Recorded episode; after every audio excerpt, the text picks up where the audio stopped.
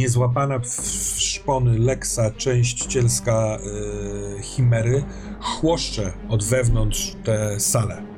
I nawet może się pojawić obawa o, o, o to, czy nie utrąci tego mężczyznę, nie wytrąci mu kamienia z rąk, ale mimo tego, że wali po ścianach dookoła i lecą kamienie, to nic się mu nie dzieje. Natomiast jest moment, w którym Lex słyszysz jego niewidoczny uśmiech, bo on wie, że właśnie e, wciągnął w, po- jakby do siebie ostatni dech tego stworzenia. W tym momencie te oczy w głębi, w ścianie, coś się z nimi dzieje, one zmieniają swój wyraz.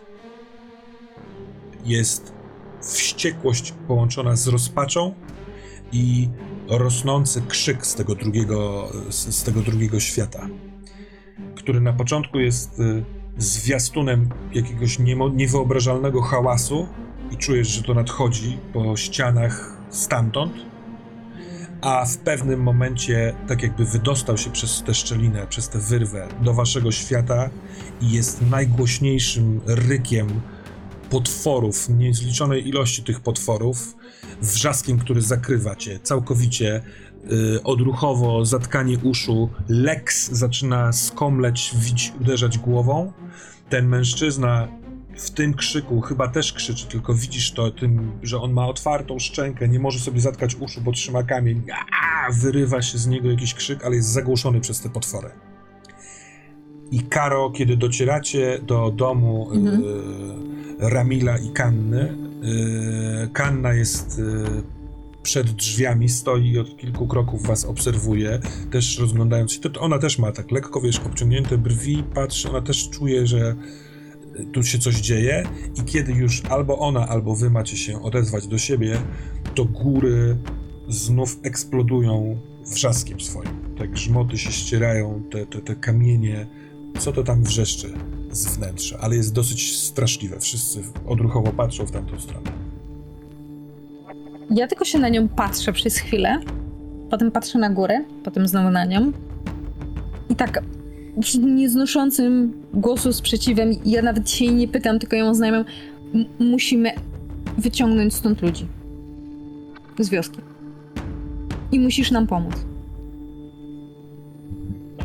Pochyla głowę. Wchodzi do środka domu, ale zostawiając otwarte drzwi, coś zdejmuje z wewnętrznej strony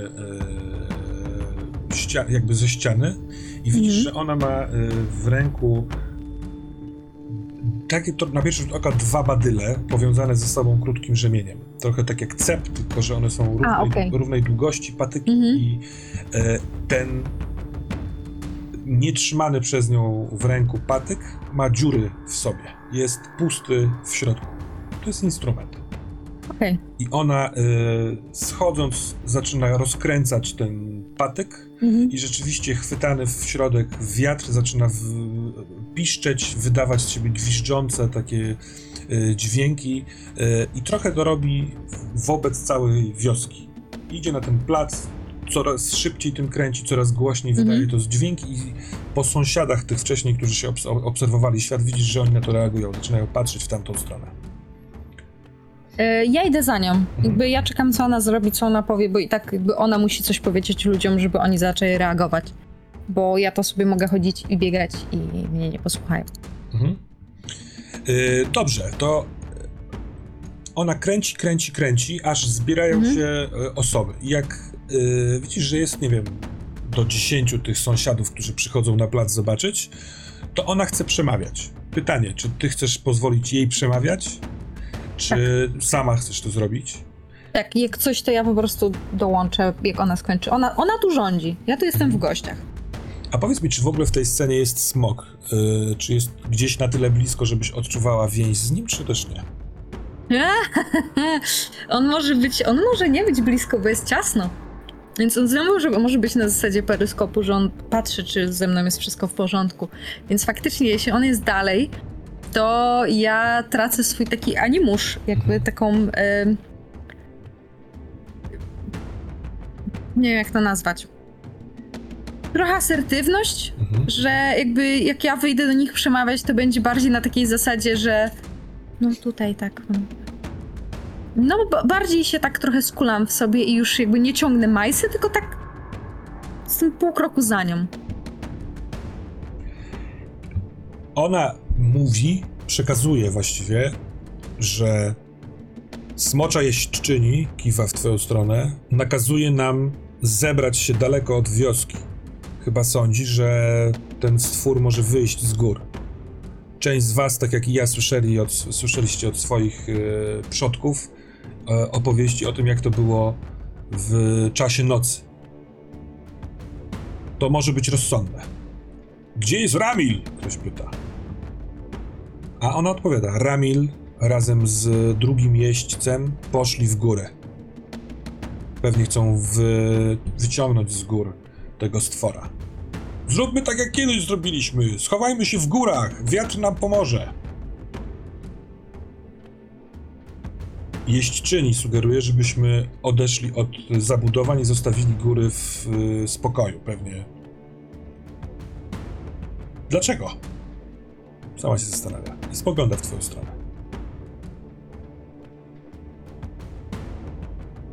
Szukam śliny i zdecydowanie robi się bledsza na twarzy.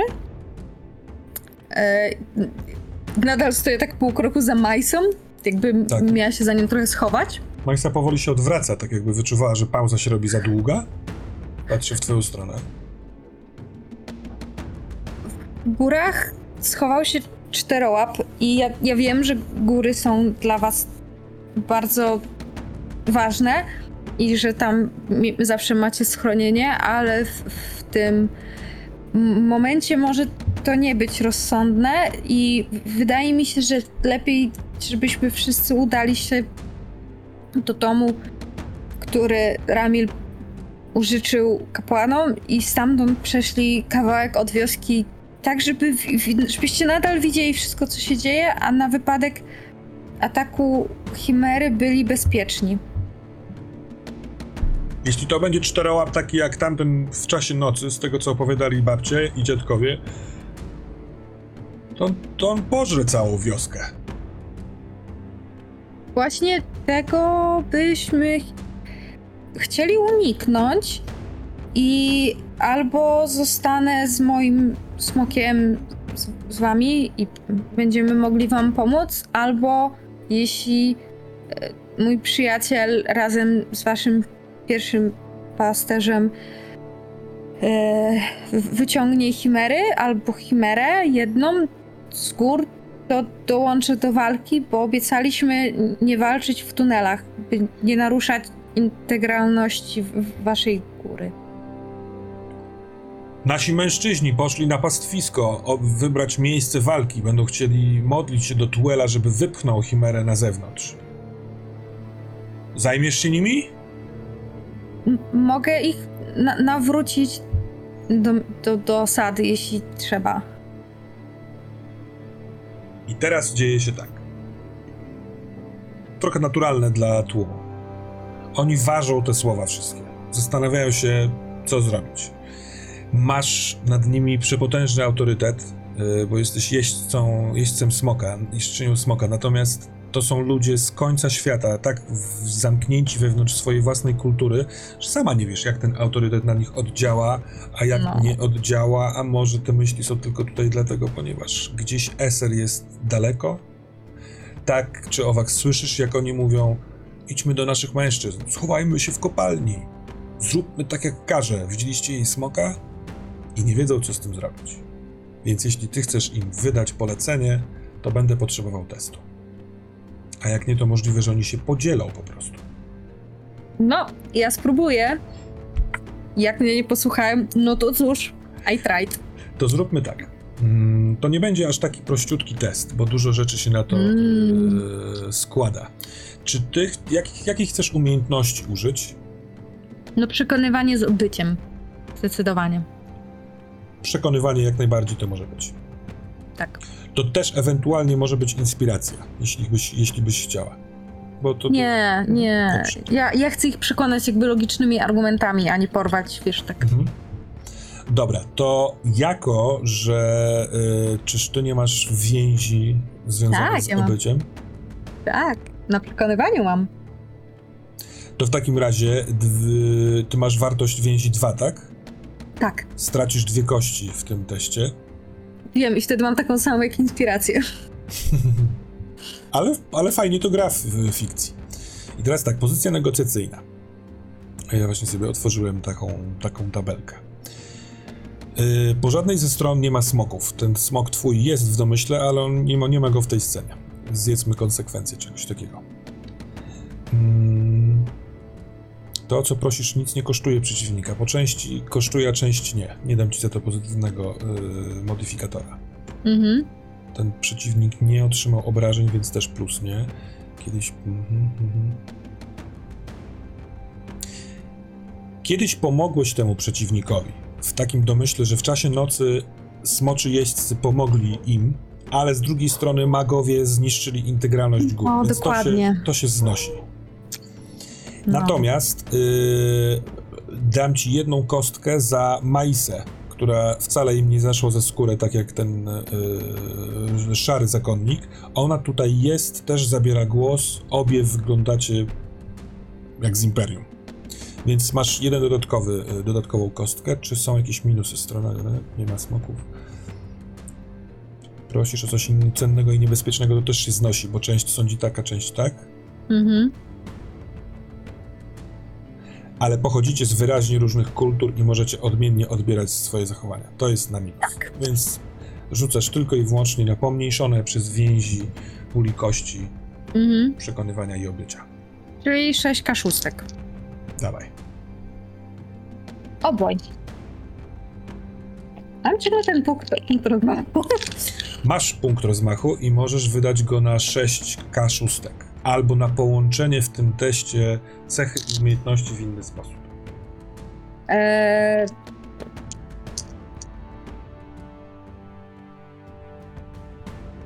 Bardziej mi się opłaca wziąć te, te 6 kaszustek w tym momencie, bo zyskam tylko jedną kość więcej, jeśli wezmę cokolwiek, Mhm. jakąkolwiek inną umiejętność. Ale e, dowiedz tylko, że ja nie będę stawał, znaczy inaczej, e, potrzebny jest jeden sukces. Jak masz 6 kostek swoich bazowych, no to jest To jest tam. szansa. Jest szansa oraz można ewentualnie forsować kosztem Forsować. swojego animuszu.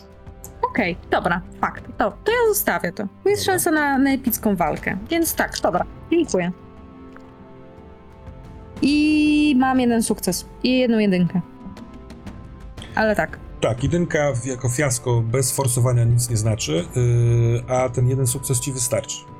I to trochę trwa, bo te, te, oni gadają ze sobą, coś dokłada Majsa, coś wtedy mówi Kanna, ale koniec końców zdecydowanie, yy, inaczej, część z nich zdecydowanie, a część namówiona, zaczynają Mhm. rozchodzić się do swoich domów. Część poinformuje tych, którzy nie przyszli na plac i ich zadaniem jest w ciągu najbliższej godziny zebrać dzieci i swój dobytek i udać się na tył wioski, tam za ten dom yy, zakonników. Ale głosem ludu, wypowiedzianym właściwie do was przez Kannę, jest prośba, żeby poinformować o tym mężczyzn, którzy poszli na pastwiska. Okej. Hmm? Dobra. Więc jakby ja tylko skinam głową Kannie. Wypatrzę na Majsę w stylu, ona wie, co się jakby dzieje i proszę, proszę ją, żeby ona pomogła ludziom tutaj. Żeby, nie wiem, żeby pomogła osobom starszym, iść dzieciom i tak dalej, i tak dalej. A ja po prostu puszczam się pędem w stronę SR-a. Po prostu na najszybciej, jak jestem w stanie biec. Dobra, to jeszcze zanim, y, w sensie tam pozwolę ci rozpędzić się zupełnie Mhm. Majsa, y, jeszcze łapie cię i czy żołnierze, którzy z nami przyszli, jest, mamy 15 zbrojnych, chcesz, żeby poszli z tobą, poszli do kopalni, czy żeby zostali tutaj z nami? Niech oni bronią ludności jak coś. Gdyby się coś stało. Imperium jest dobre. Ona z takim uśmieszkiem porozumiewaczem, ona wydaje jej się, że ty to robisz w wykalkulowany sposób, taki wiesz. y, tak czy owak kiwa głową i Mhm. zabiera się do pracy. A ty pędzisz do swojego smoka. Tak. Wracamy do wnętrza gór. Rinaldo, to jest na skraju wy, w, wytrzymałości, ale czujesz w pewnym momencie, że to opada. Tak jakby ten stwór z wnętrza wykrzyczał swą wściekłość i chyba kończy się. Ale co to znaczy dla całości? Te ciało chimery, które zostało przegryzione przez twojego Lexa, opada. Właśnie kończy się konwulsyjnie i z jednej z ran zadanych y, dzisiaj przez twojego smoka wy, mm, świeci coś. We wnętrzu, tak jak wiesz doskonale, każda chimera ma w sobie kryształ mocy. Tutaj też jest taki kryształ. Y, m- Myślę, że to wiedza, którą na pewno ma Rinaldo Smoczy jeźdź, jeździec. Y, Można wziąć do ręki takie coś. Pewnie są takie, których, które, nie wiem, ma, mają jakieś zaklęcia rzucone, ale zdarzało się nieraz, pokonawszy Chimerę, brać do, do ręki, przekazywać y, szaremu zakonnikowi, nic się nikomu nie działo. To tyle możesz Mhm. wiedzieć. Ja biorę. Przypominam sobie o tym szarym zakonniku, myślę sobie, że ten chłopak sobie może nie poradzić. E, I podejmuję szybko bardzo decyzję. Jest taka, żeby właśnie wziąć ten kryształ i uciekać stąd. Wiem, że zostałem przyjechać z tym kryształem na pastwę, ale nic nie mogę zrobić poza tym, że sam sam zginę. E, A tak to może przynajmniej go poinformuję, więc ja chcę złapać ten kryształ i staram się wylecieć e, na Leksie jak najszybciej z tej góry.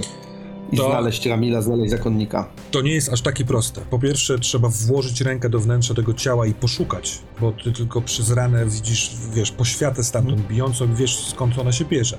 I to nie jest niemożliwe, tylko to zajmuje tam, wiesz, minutę wygrzebanie tego. Natomiast twój smok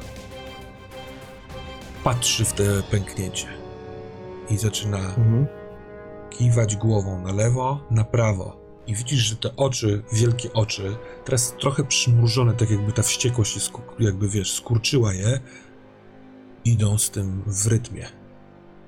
Tak jakby one do siebie si- sobie coś komunikowały, trochę jak dwa, wiesz, zbliżające się drapieżniki do siebie, które mają walczyć, a może niekoniecznie. Kiedy przestało krzyczeć wnętrze tego mrocznego świata, to słychać w tej komnacie jęk, ochrypły jęk tego mężczyzny. To jest tak, jakby ktoś biegł za dużo godzin, nie miał już absolutnie sił, a jeszcze musi to robić. Ochrypły, zmęczony oddech.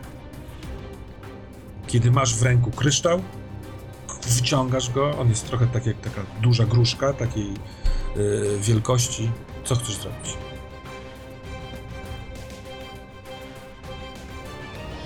Uciekać. Dobra. Wysyłasz myśl do, smoka. Twój smok reaguje jakimś takim zniecierpliwionym y, dźwiękiem,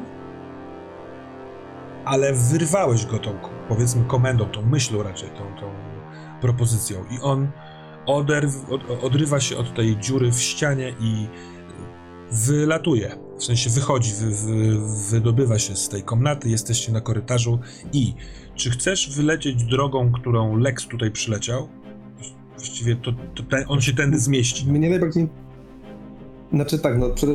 to, tak jak się zmieści. Gdyby się dało, to mi zależy na tym, żeby znaleźć jak najszybciej kapłana i Ramila. Ale no też zależy mi na tym, żeby jak najszybciej wylecieć, więc jeśli pamiętam, że ta droga, którą weszliśmy, to jest taka, że lekcja nie zmieści, no to nią nie wracam.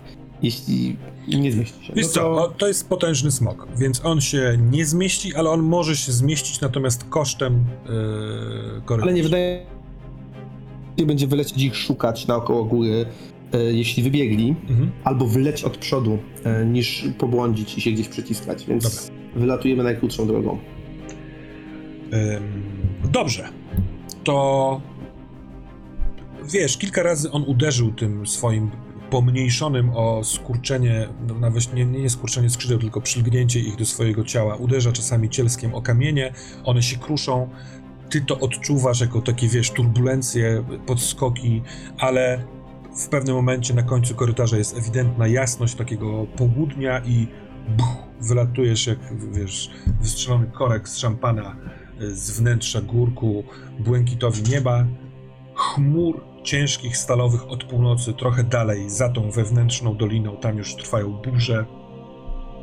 I całkiem możliwe, że y, z kolei z lewej, od strony południa, widzisz nadlatującą na eserze karę. Karo, kiedy ty pobiegłaś pędem do smoka, to właśnie po to, żeby go Mhm. dosiąść i lecieć nad te pastwiska?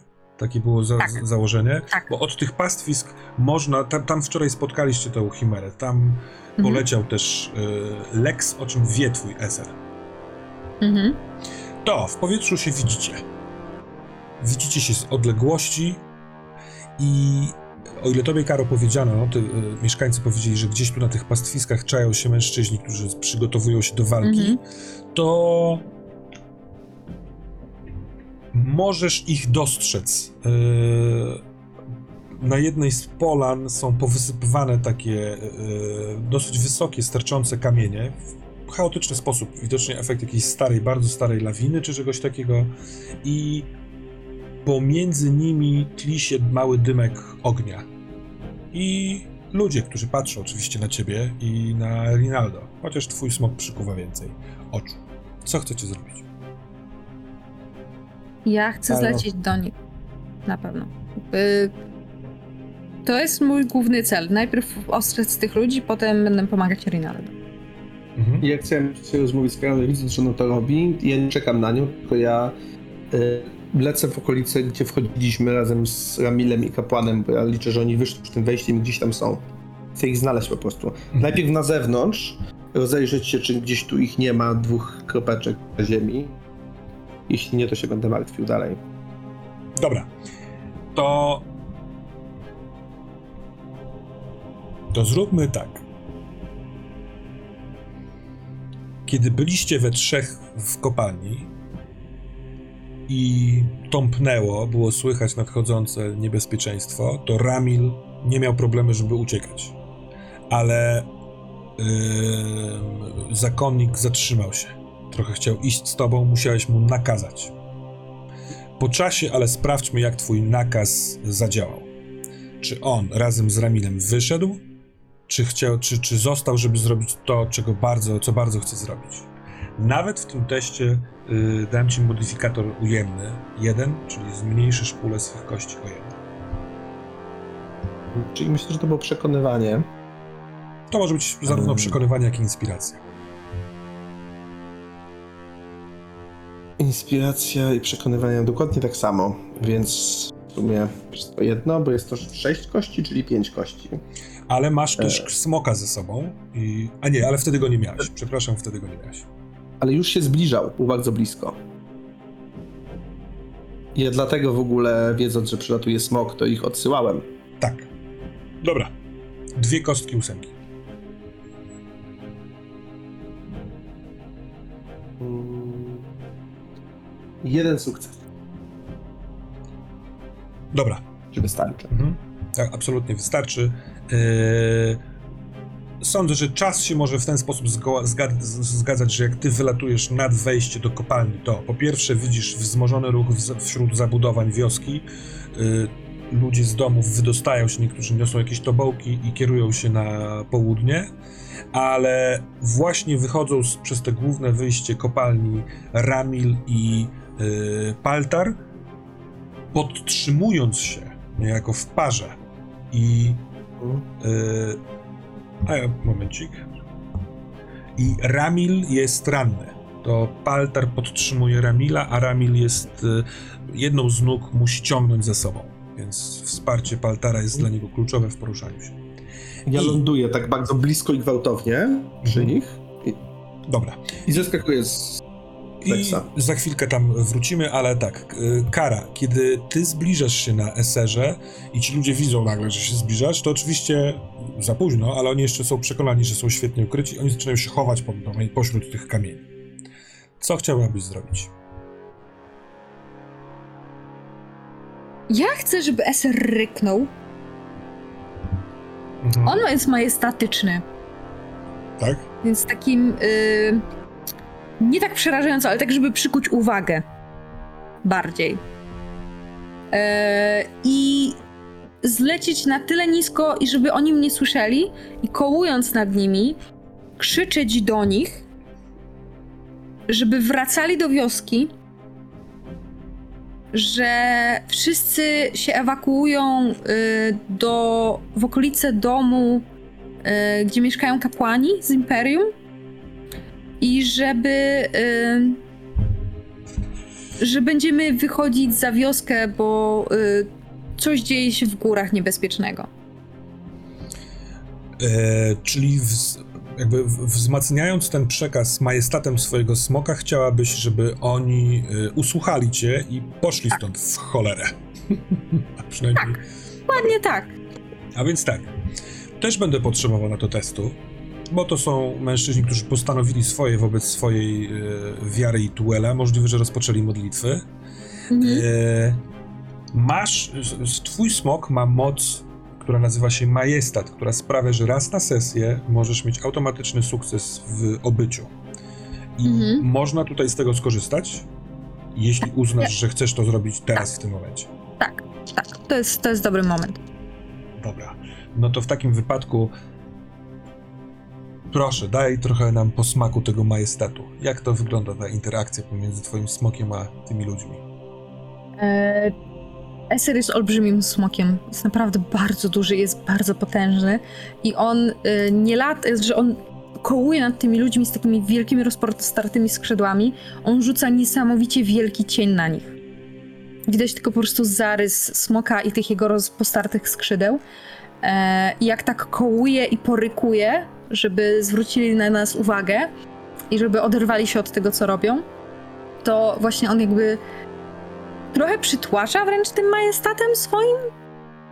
Y, Nie jest to takie kołowanie, jakby zrobił to Lex, że ofiara na dole jest, wie, że jest ofiarą i zaraz po prostu ten smok zapikuje i się na nią rzuci.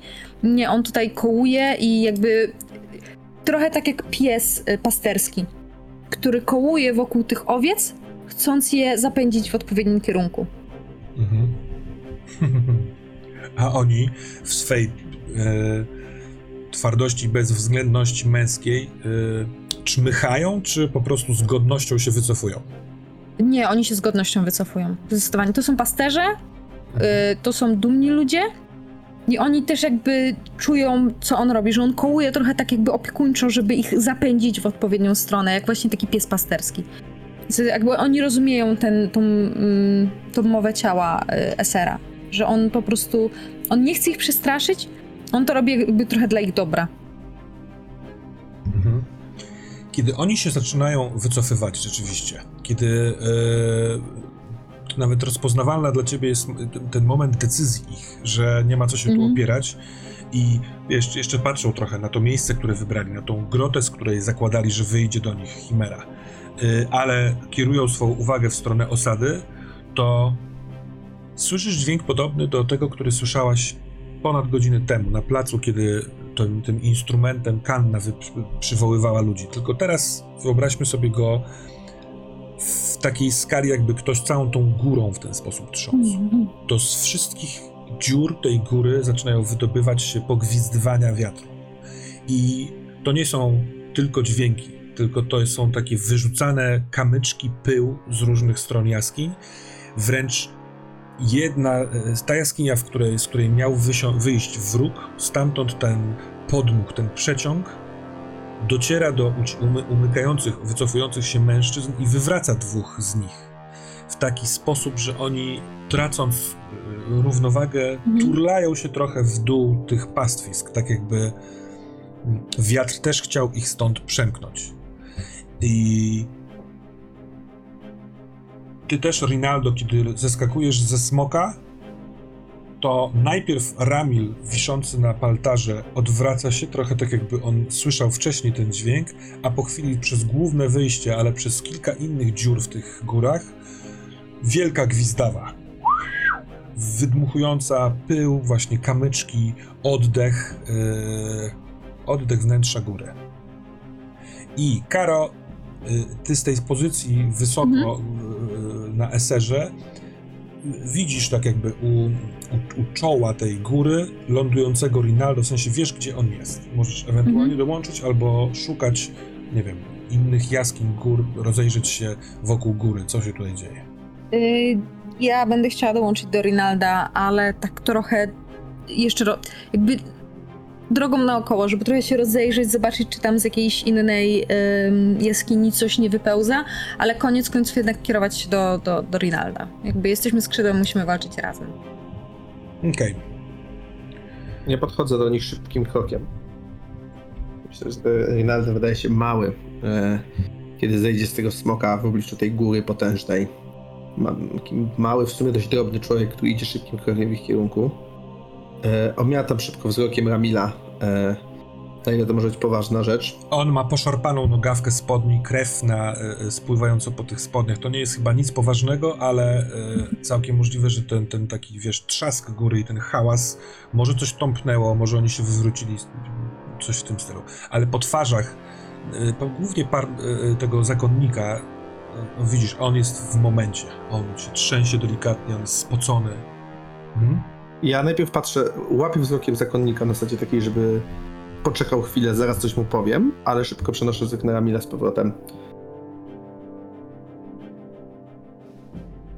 Pasterzu, wiem, że twierdzisz, że nie podejmujesz decyzji sam, ale teraz będziesz musiał podjąć i to najważniejszą w swoim życiu. Wewnątrz góry jest potężne pęknięcie i wychodzi wielka chimera.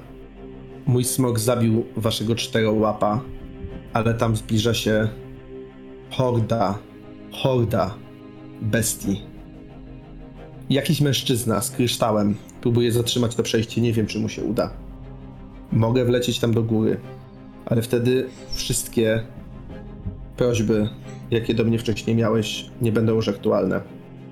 Będę musiał stoczyć bój z czymkolwiek, co stamtąd wyjdzie. Możemy też zostać tutaj i czekać na bestię, zostawiając górę w spokoju. Ale jeśli temu młodzieńcowi nie uda się zamknąć przejścia, to prawdopodobnie to koniec waszej osady. Namyśl się, po czym odwracam się do Paltara i mówię, wyciągam teraz ten kryształ z zapasuchy. No, Kryształ z serca Chimery. jego odruch jest taki, że on chce, wiesz, czmychnąć, uciec, nie wiedząc jaką masz intencję, ale opanowuje się widząc, że tu nie zaczynasz czarować. No to takie wyuczone. E, e, przytrzymuję go tak, że czekam aż on wystawi rękę, czy to zrobi. Tak, wystawia ją, trzęsie się ta ręka. Kładę, kładę mu ten kryształ. Tam otwiera się potężne przejście, jakiś człowiek próbuje je zamknąć większym kryształem. Czyń swoją powinność choćby do ostatnich chwil, kapłanie. Patrzę mu w oczy poważnie. Ja się spodziewałem, że tam wejdzie i będzie zamykał to przejście. No. Mhm. Tego chciał, nie? Absolutnie nie, nie, nie musisz długo czekać, on waży ten Mhm. kryształ, widzisz, że wiesz, jego oczy odbijają poniekąd światło z tego kryształu, kiedy patrzy na ciebie.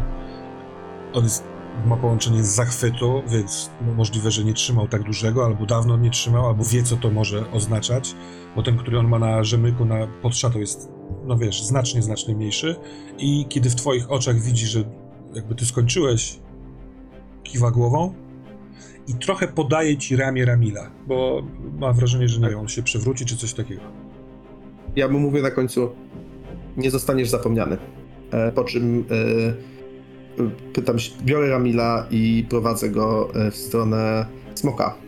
A Chcę go on, przewieźć w bezpieczne miejsce. bach, jak najszybciej ten paltar się dało, wbiega w górę. Nie jesteś pewien, czy usłyszałeś to, albo czy chciałbyś to usłyszeć, albo... Ale chyba on wbiegając mówił, nie zależy mi na tym. W kontekście tego, Mhm. że nie zostanie zapomniany. Mhm. Więc on wbiega do góry. Ty Ramila doprowadzasz do, w stronę smoka. Ramil y, pozwala się tobie nieść, ale czujesz, że on jest w ogóle taki twardy i silny. Mówi, jaki ty decyzji ode mnie chcesz? Żebym pozwolił zniszczyć góry? Albo nie. Ale jeżeli... Masz ryzyko, to twoja osada. Jeśli ta bestia wyjdzie, to i tak zniszczy górę. Chyba, że nie zamierza wyjść. Nie wiem, pasterzu. Prawdę mówiąc, nie wiem, czego chce. Chimery chcą różnych rzeczy. Zwykle chcą niszczyć. Taka jest ich natura. Moi... Mój dziad obraził się na was po tym, jak mag wysadził część naszych jaskiń. Ale Tuel dalej z nami jest. Gra na innym instrumencie, ale dalej gra dla nas. Wiatr i my zostaniemy wszędzie ze sobą, niezależnie od tego, jak wydrenowane będą nasze fujarki. Uciekajmy stąd. A ty rób to, co uznasz za stosowne, żeby ten potwór nie wyszedł. Eee, jesteś w stanie iść? Mm, je- jest, e, będąc przy smoku, a w ogóle on, na, no, no wiesz, możliwe, że jest w swoim jakimś momencie, ale to jest taki mężczyzna, który trochę się nie obawia tego smoka. Pewnie przez to, że ty go tam doprowadziłeś, ale Nie, to on, ja, ja, ja patrząc na to, patrząc, że on się nie boi, mówię E, chodź, to będzie chwila. E, i jakby wsiadam na smoka szybko, po czym Mhm. podaję mu, podaję mu dłoń, tak żeby sobie wyszedł. Uleczy.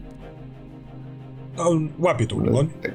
hyc, Mhm. i wciąga się e, na tego smoka.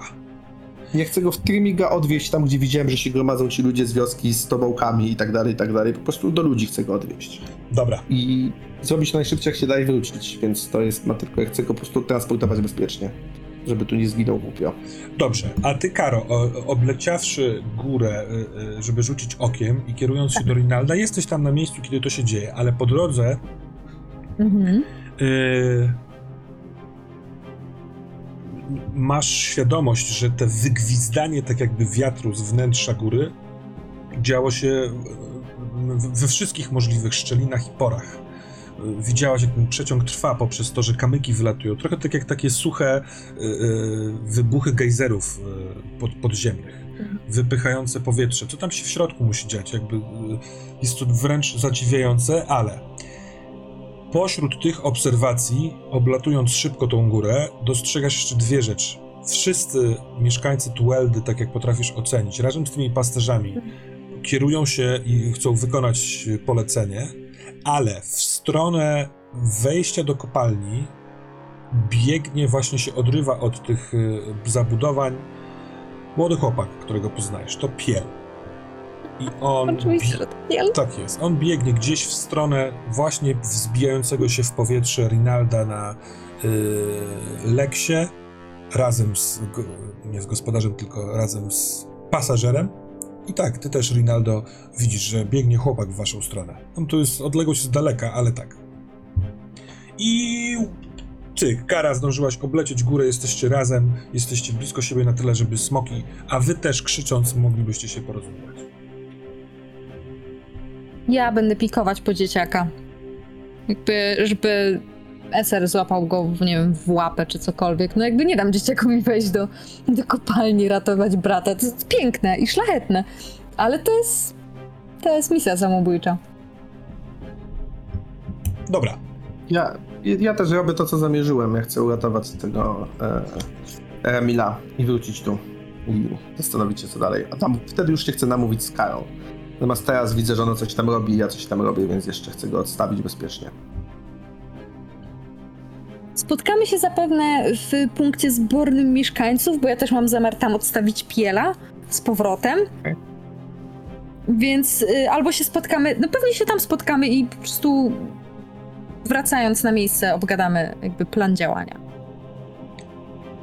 wielki, majestatyczny eser w sobie tylko znany sposób, doskonale wykorzystując wiatr, delikatnie i subtelnie pach, pikuje w dół, tak żebyś ty mogła złapać tego chłopca, ten chłopiec widząc was, a skala jest no, y, przepotężne stworzenie i mały chłopak, ale ten mały chłopak wyciąga ręce w twoją stronę, w twoją stronę, krzycząc, a, ale jakby przywołując ciebie i chcesz, żeby smok go wziął w, w swoją wielką łapę, czy chcesz y, sama go pochwycić w ręce? Mogę spróbować go sama pochwycić i wtedy może się dowiem, co on właściwie miał w planach robić, biegnąc tam. Ostrożnie, Karo. Tylko się nie ześliznij. Dobrze, będę się mocno trzymać.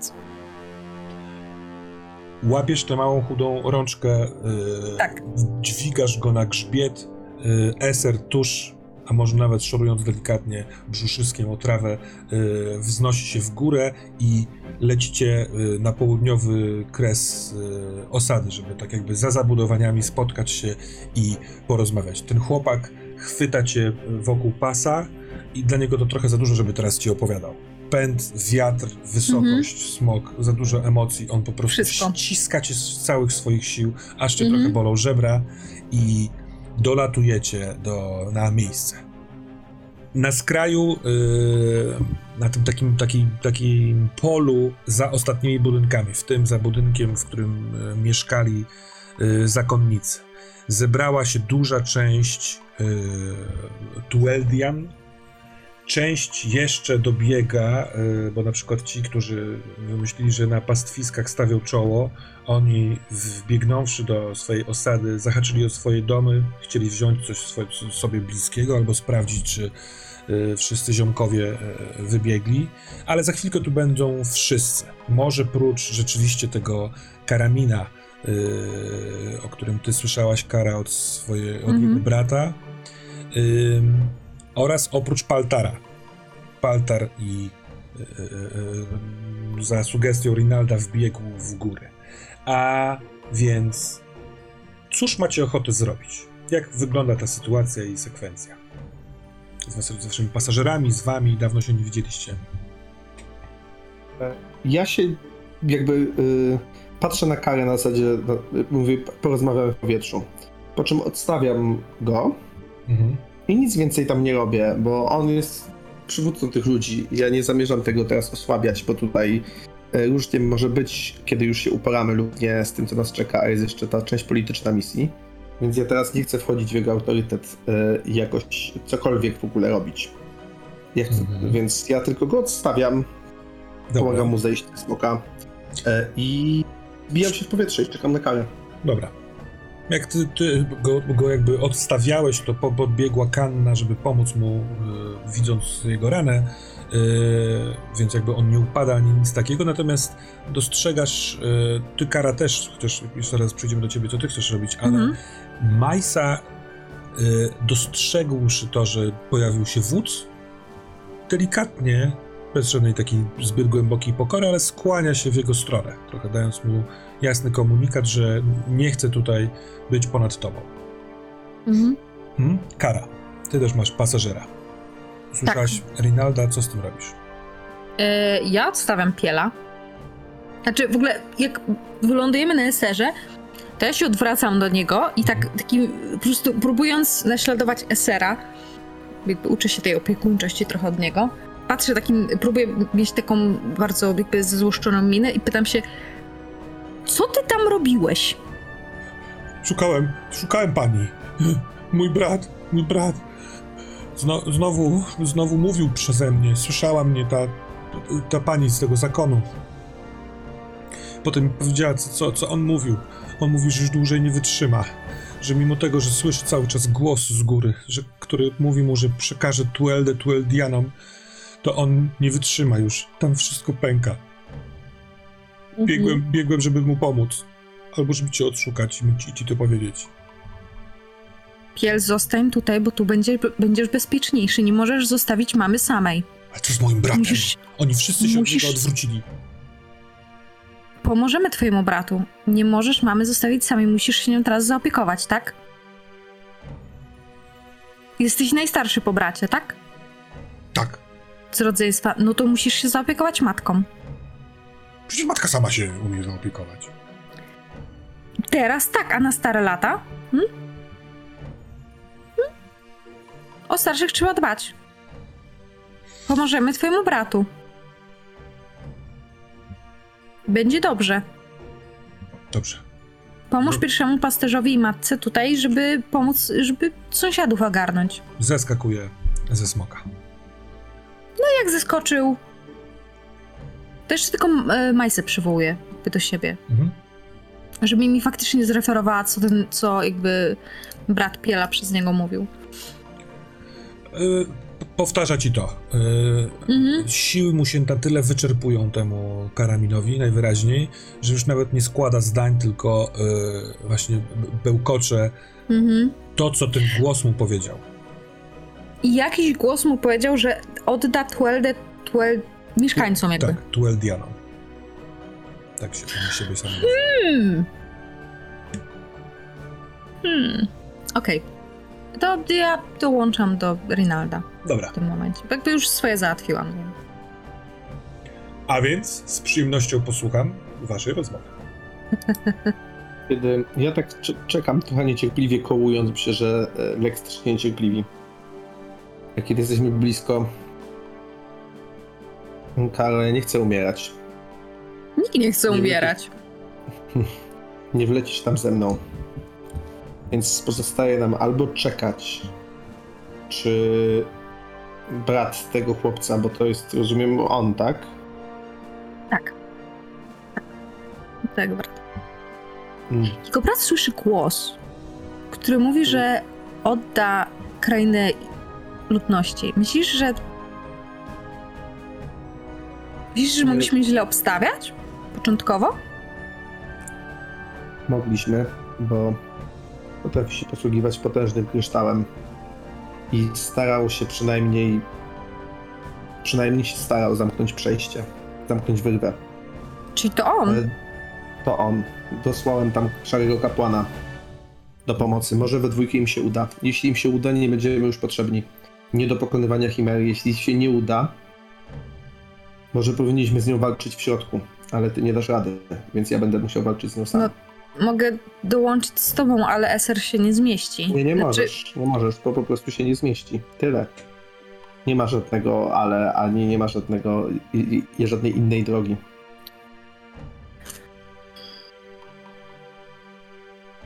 Jak ta góra, jak, myślę, że latamy, na, lecimy w stronę góry. Jak ona wygląda? Czy dalej wylatują z niej jakieś gwizdy? Co się tam dzieje z zewnątrz? Nie, te gwizdy trwały y, nawet do minuty, ale przestały. I teraz góra wygląda jak, jak po prostu góra. To jest dosyć duży szczyt, y, taki skalisty. Y, On jest na krańcu tego masywu górskiego, więc jeżeli go wziąć od prawej strony, to tak naprawdę otoczamy y, cały, cały ten grzbiet y, gór zwanych burzowym murem tylko że z, od waszej perspektywy w głębi, dalej na północ są te straszliwe burze. Hmm? A tutaj jest po prostu południowy kraniec tych gór.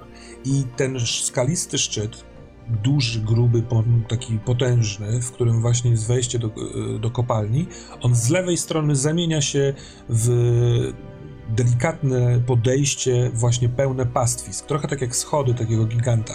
Trochę stromizny, a potem płasko. Trochę stromizny i potem płasko. Później znowu y, przechodzi w skały, ale które idą dalej w północ, więc wchodzą już pod tą zawieszoną nad y, niebem burzą. Tylko tu jest w miarę spokojnie. Trudno na przykład nie mieć wrażenia, kiedy lecicie i obserwujecie to, zastanawiając się, jak tą sprawę ugryźć, że to są dwa miejsca wyrwane burzy. Właśnie ta zielenina i ta góra. I wobec tego, co mówili Tueldianie o, o, o tym wszystkim, co, co mówiła wam Siri y, jeszcze y, w twierdzy, kiedy zbieraliście dane, że rzeczywiście trochę tak jakby to była jakaś opatrzność albo działanie jakiejś magii, że tu mogą dziać się rzeczy, a dalej wszędzie jest y, potężna burza. Może ten Tuel istnieje i, i ma coś w sobie, a może wcale nie. Duel to Ausl, As, Aslaug tak naprawdę. Oni jeszcze nie wiedzą. A, a może wzięłabyś tego chłopca tutaj na smoka do siebie? Lubicie. A dzięki niemu może będziemy mogli widzieć, co dzieje się w środku. No mogę. Bo jest bezpieczny i tak nie będziesz wlatywać do środka. No, Poczuje się przydatny. Jeśli to faktycznie on, to uformuje go na całe życie. Nie widzę złych stron. Leć po niego. no dobrze, jeśli, jeśli tak uważasz, to... Dobrze, to po niego wrócę. Będę tu obserwował, czekam na was. Wracam. Mhm. Piela. A ja, a ja próbuję w międzyczasie zapytać Lexa o zdanie. Próbuję się tak w niego wsłuchać, jakby wejść w niego. Nawet nie chcę mu zadawać konkretnych pytań, bardziej chcę się zastanowić, co on w ogóle teraz myśli. On coś tam widział, on coś tam poczuł y, w środku. Ja nie miałem czasu o tym pomyśleć teraz, ja jestem z nim sam na sam. Nie wiem, co robić, więc szukam w nim. Dobrze. To. Mm, Karo, kiedy osadzasz na polu y, Esera, Mhm. oczywiście zwraca to uwagę wszystkich, możesz y, by przywołać gestem y, Piela, ale razem z Pielem idzie jego y, matka. Oboj. Mhm. Mhm. I o ile y, możesz myśleć, że nie wiem, będzie, będzie miała coś, y, y, jakiś opór, to ona ma minę, ale y, jakby nie wrogą przeciw, wo, wobec ciebie. Ona idzie, bo też Mhm. coś ma. Ona idzie, bo jest w akcji i coś chce ci przekazać, czy coś takiego. Okej. Jakby ląduję serem, schodzę z niego, Mhm. czekam przy jego łapie. Yy, po- podbiegają i ona mówi tak. Kiedy się zbieraliśmy tutaj, ro- rozmawialiśmy wcześniej. Każdy z nas ma, ma kogoś, kto był tam wtedy, w czasie nocy. Wszyscy o tym słyszeliśmy opowieści. Nigdy nie chcieliśmy o tym mówić. Nie, nieważne teraz dlaczego, ale wsłuchałam się w to, co mówimy w, wszyscy. Uznaliśmy, że ta nasza opowieść może być trochę jak wiatr, nośnikiem pewnej mocy. I postanowiliśmy zebrać wszystkie te opowieści i przekierować ten wiatr ku tobie i twojemu towarzyszowi, żebyście wiedzieli, co tutaj się może wydarzyć. Według tego, co mówili nasi mężczyźni, walczyliście na razie z, ze skarlałą wersją. On albo urośnie, albo będzie jakiś inny, większy. Czterołap, którego poznali nasi przodkowie, to gigantyczny potwór. Kiedy uda mu się wyjść z gór, potrafi zmieniać swój rozmiar. Tamten potrafi traktować te swoje łapy, tak jak mówili nasi, tak jakby potrafił chować je w siebie. Potrafi się kurczyć tak, żeby przedostawać się tymi korytarzami, ale kiedy stawał na, tutaj na powierzchni, to górował niemal ponad szczytem. Schodził z pastwi z trzema krokami. Kiedy stawiał jedną z tych łap, to miażdżył jeden z naszych domów. Taki jest potężny. On chwyt, potrafi chwytać tymi łapami. I prawdziwy jakby otwór do siebie wciska w podbrzuszu. Ta jama ust, na ten, ten pysk, on tylko nim dźga jak, jak armią włóczni. A to, co łapał tymi łapami, wtykał sobie w podbrzusze. To znikało na Mhm. zawsze. I jak postanowiliśmy przed tym stworem, wiedząc, że, go, że on nas dogoni, on nas zmiażdży gdziekolwiek będziemy, schowaliśmy się do wnętrza gór. Tuel, którego prosiliśmy o to, kierował wiatrem tak, żeby ten potwór nas nie czuł. I on Mhm. Ze wściekłością, kiedy poruszał się po wnętrzu góry, musiał wychodzić na zewnątrz, żeby polować. Więc jeśli pozwolisz, nie chcemy się tutaj zatrzymywać. Chcemy iść stąd jak najdalej, stąd, chyba że pozwolicie nam skryć się z powrotem w górach.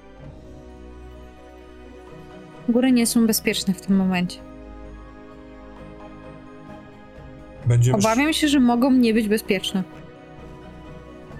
Będziemy szli ku północy. Tam podobno daleko, daleko jest miasto. Może Na tam, południe. Nie, y, na, nie, nie, nie. Na, na południe przez góry. Tak, przepraszam, ja pokręciłem, oczywiście. Okej, dobra, Na uff. Oni chcą dotrzeć do tego miasta, z którego my przylecieliśmy jakby. Oni chcą jechać do tego portu, z którego idą żołnierze.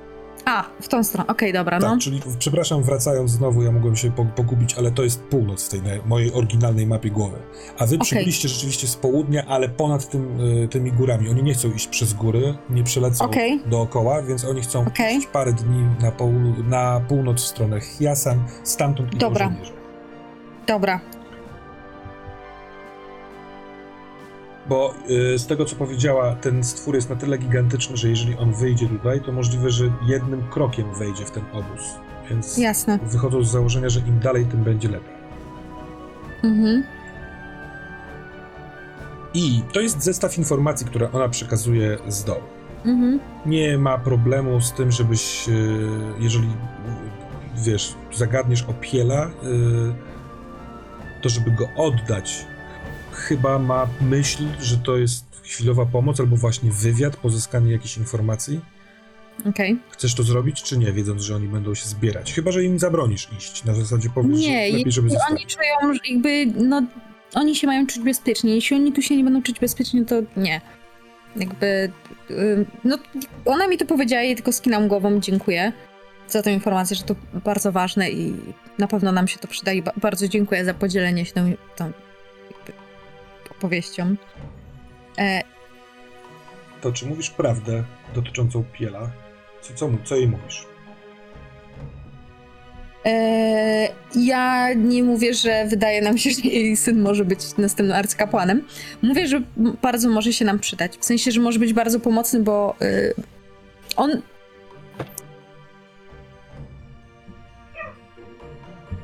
Ponieważ ma kontakt ze swoim bratem, który jest w środku i który bardzo walczy, żeby powstrzymać te chimery, żeby nie wyszły. Więc to, co mówi mój syn młodszy, jest prawdą? Karamin ciągle żyje? Tak nam się wydaje.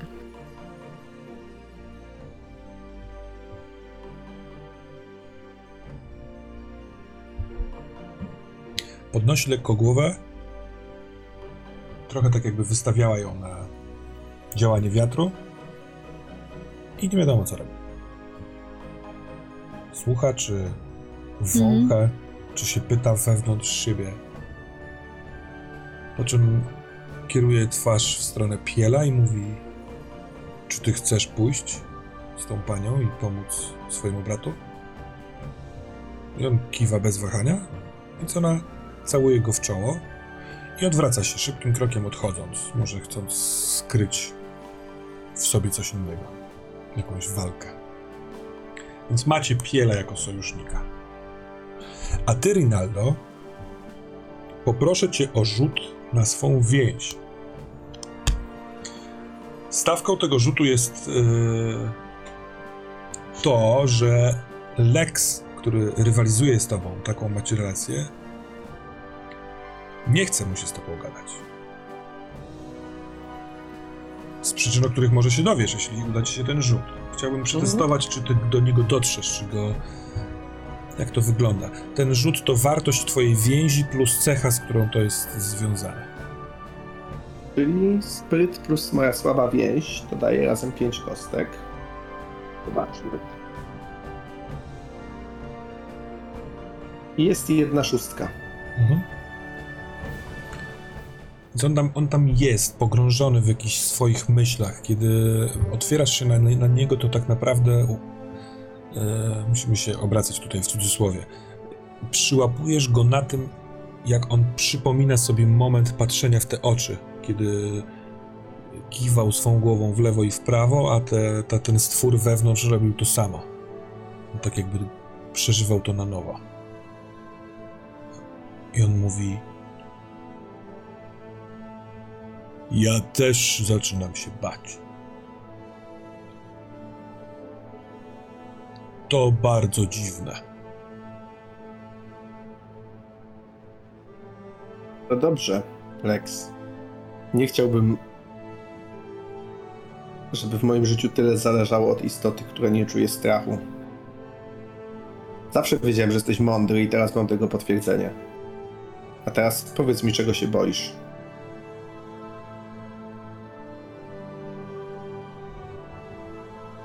Boję się tego, że usłyszę w końcu tego stwora. Dziwne to, ale przysyła ci obraz. Tak niewygodnie mu jest w słowa. Na tym obrazie on pląsa w powietrzu, tak jak czasami mu się zdarza, obraca się, ale i w tym obrocie odsłaniasz postać za sobą. I widzisz tam chimerę, którą zabiłeś, zabiliście. I ona, ona ma czarne, wężowe, długie cielsko i cztery łapy, któ- które używała do biegania. To są takie niewielkie, krótkie łapy. Natomiast teraz nie ma łap, tylko one są tak jakby połączone ze sobą. Prawe dwie łapy i lewe dwie łapy jakieś takie maluteńkie wypustki przypominające skrzydła.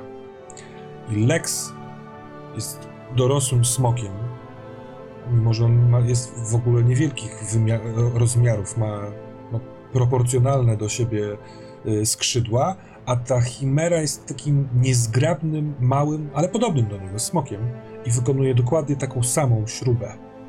Pląsa w powietrzu. Tego się boję. Bo nie wiem, co to znaczy. Nigdy tak wcześniej nie było. Nikt z nas nie spotkał chimery. I znów przesyła obraz tych oczu w ścianie, które z jego perspektywy, jak się zgrały ze sobą ruchami, patrzyła z zaciekawieniem, ten stwór ze środka patrzył z zaciekawieniem bardziej niż z wściekłością. A jeśli to są smoki? Ja to wypowiadam chyba na głos w ogóle, tak chociaż bezwiednie. Uwięzione tam kiedyś?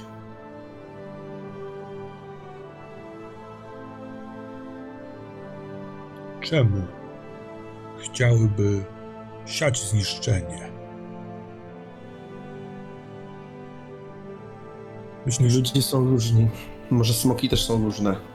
Może nie wszystkie słuchają głosu Aslauga. Może są smoki, które nie słuchają Aslauga.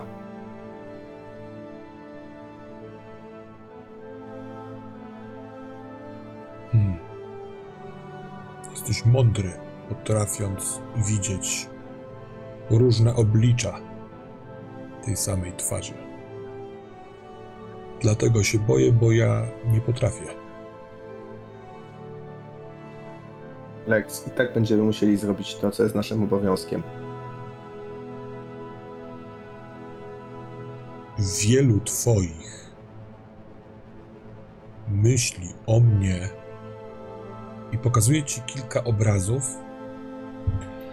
Wyobraźmy sobie, że tak jakby on usłyszał smoczych jeźdźców, którzy wypowiadali do siebie w, w rozmowie ze sobą, do swoich smoków, takie luźno rzucane uwagi o tym, jakim Lex jest skubańcem, jakim jest złośliwcem, jak patrzy na, wiesz, w taki ten swój prawie martwy sposób. Mhm. Trochę tak wy, wychodzi tak, jakby on chwytał te wszystkie ym, takie etykietki, które mu się przykleja. Nie, nie, nie jest to powiązane z jakąś emocją, ale wypowiedział do ciebie, że wielu myśli o mnie w ten sposób. Zawsze myślałem, że się mylą.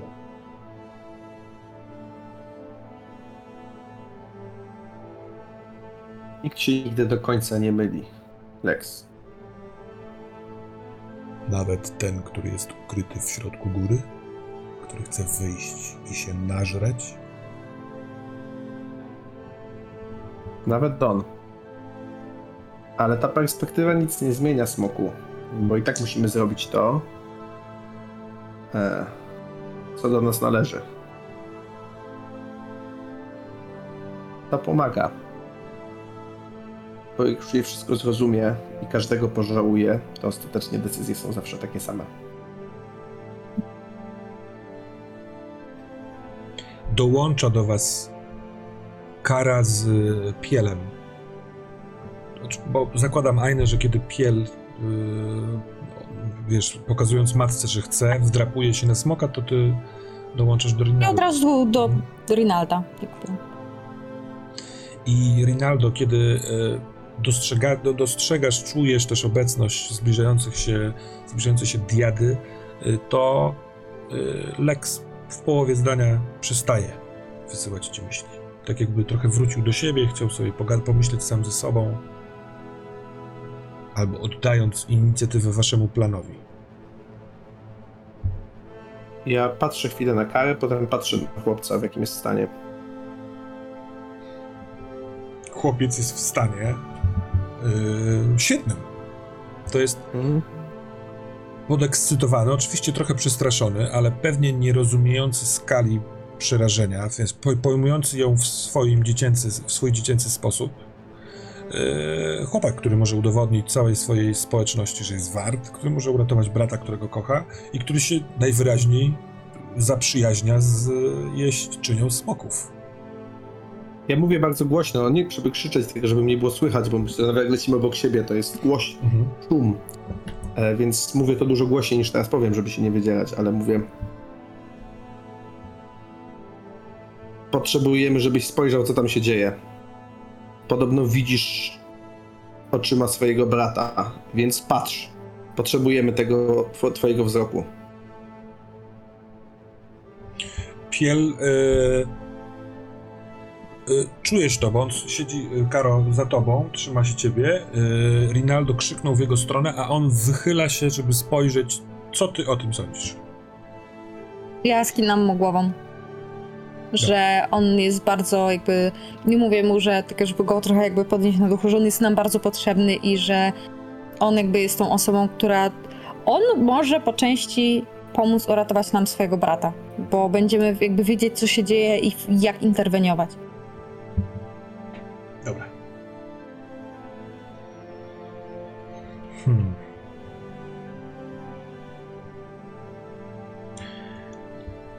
To tak.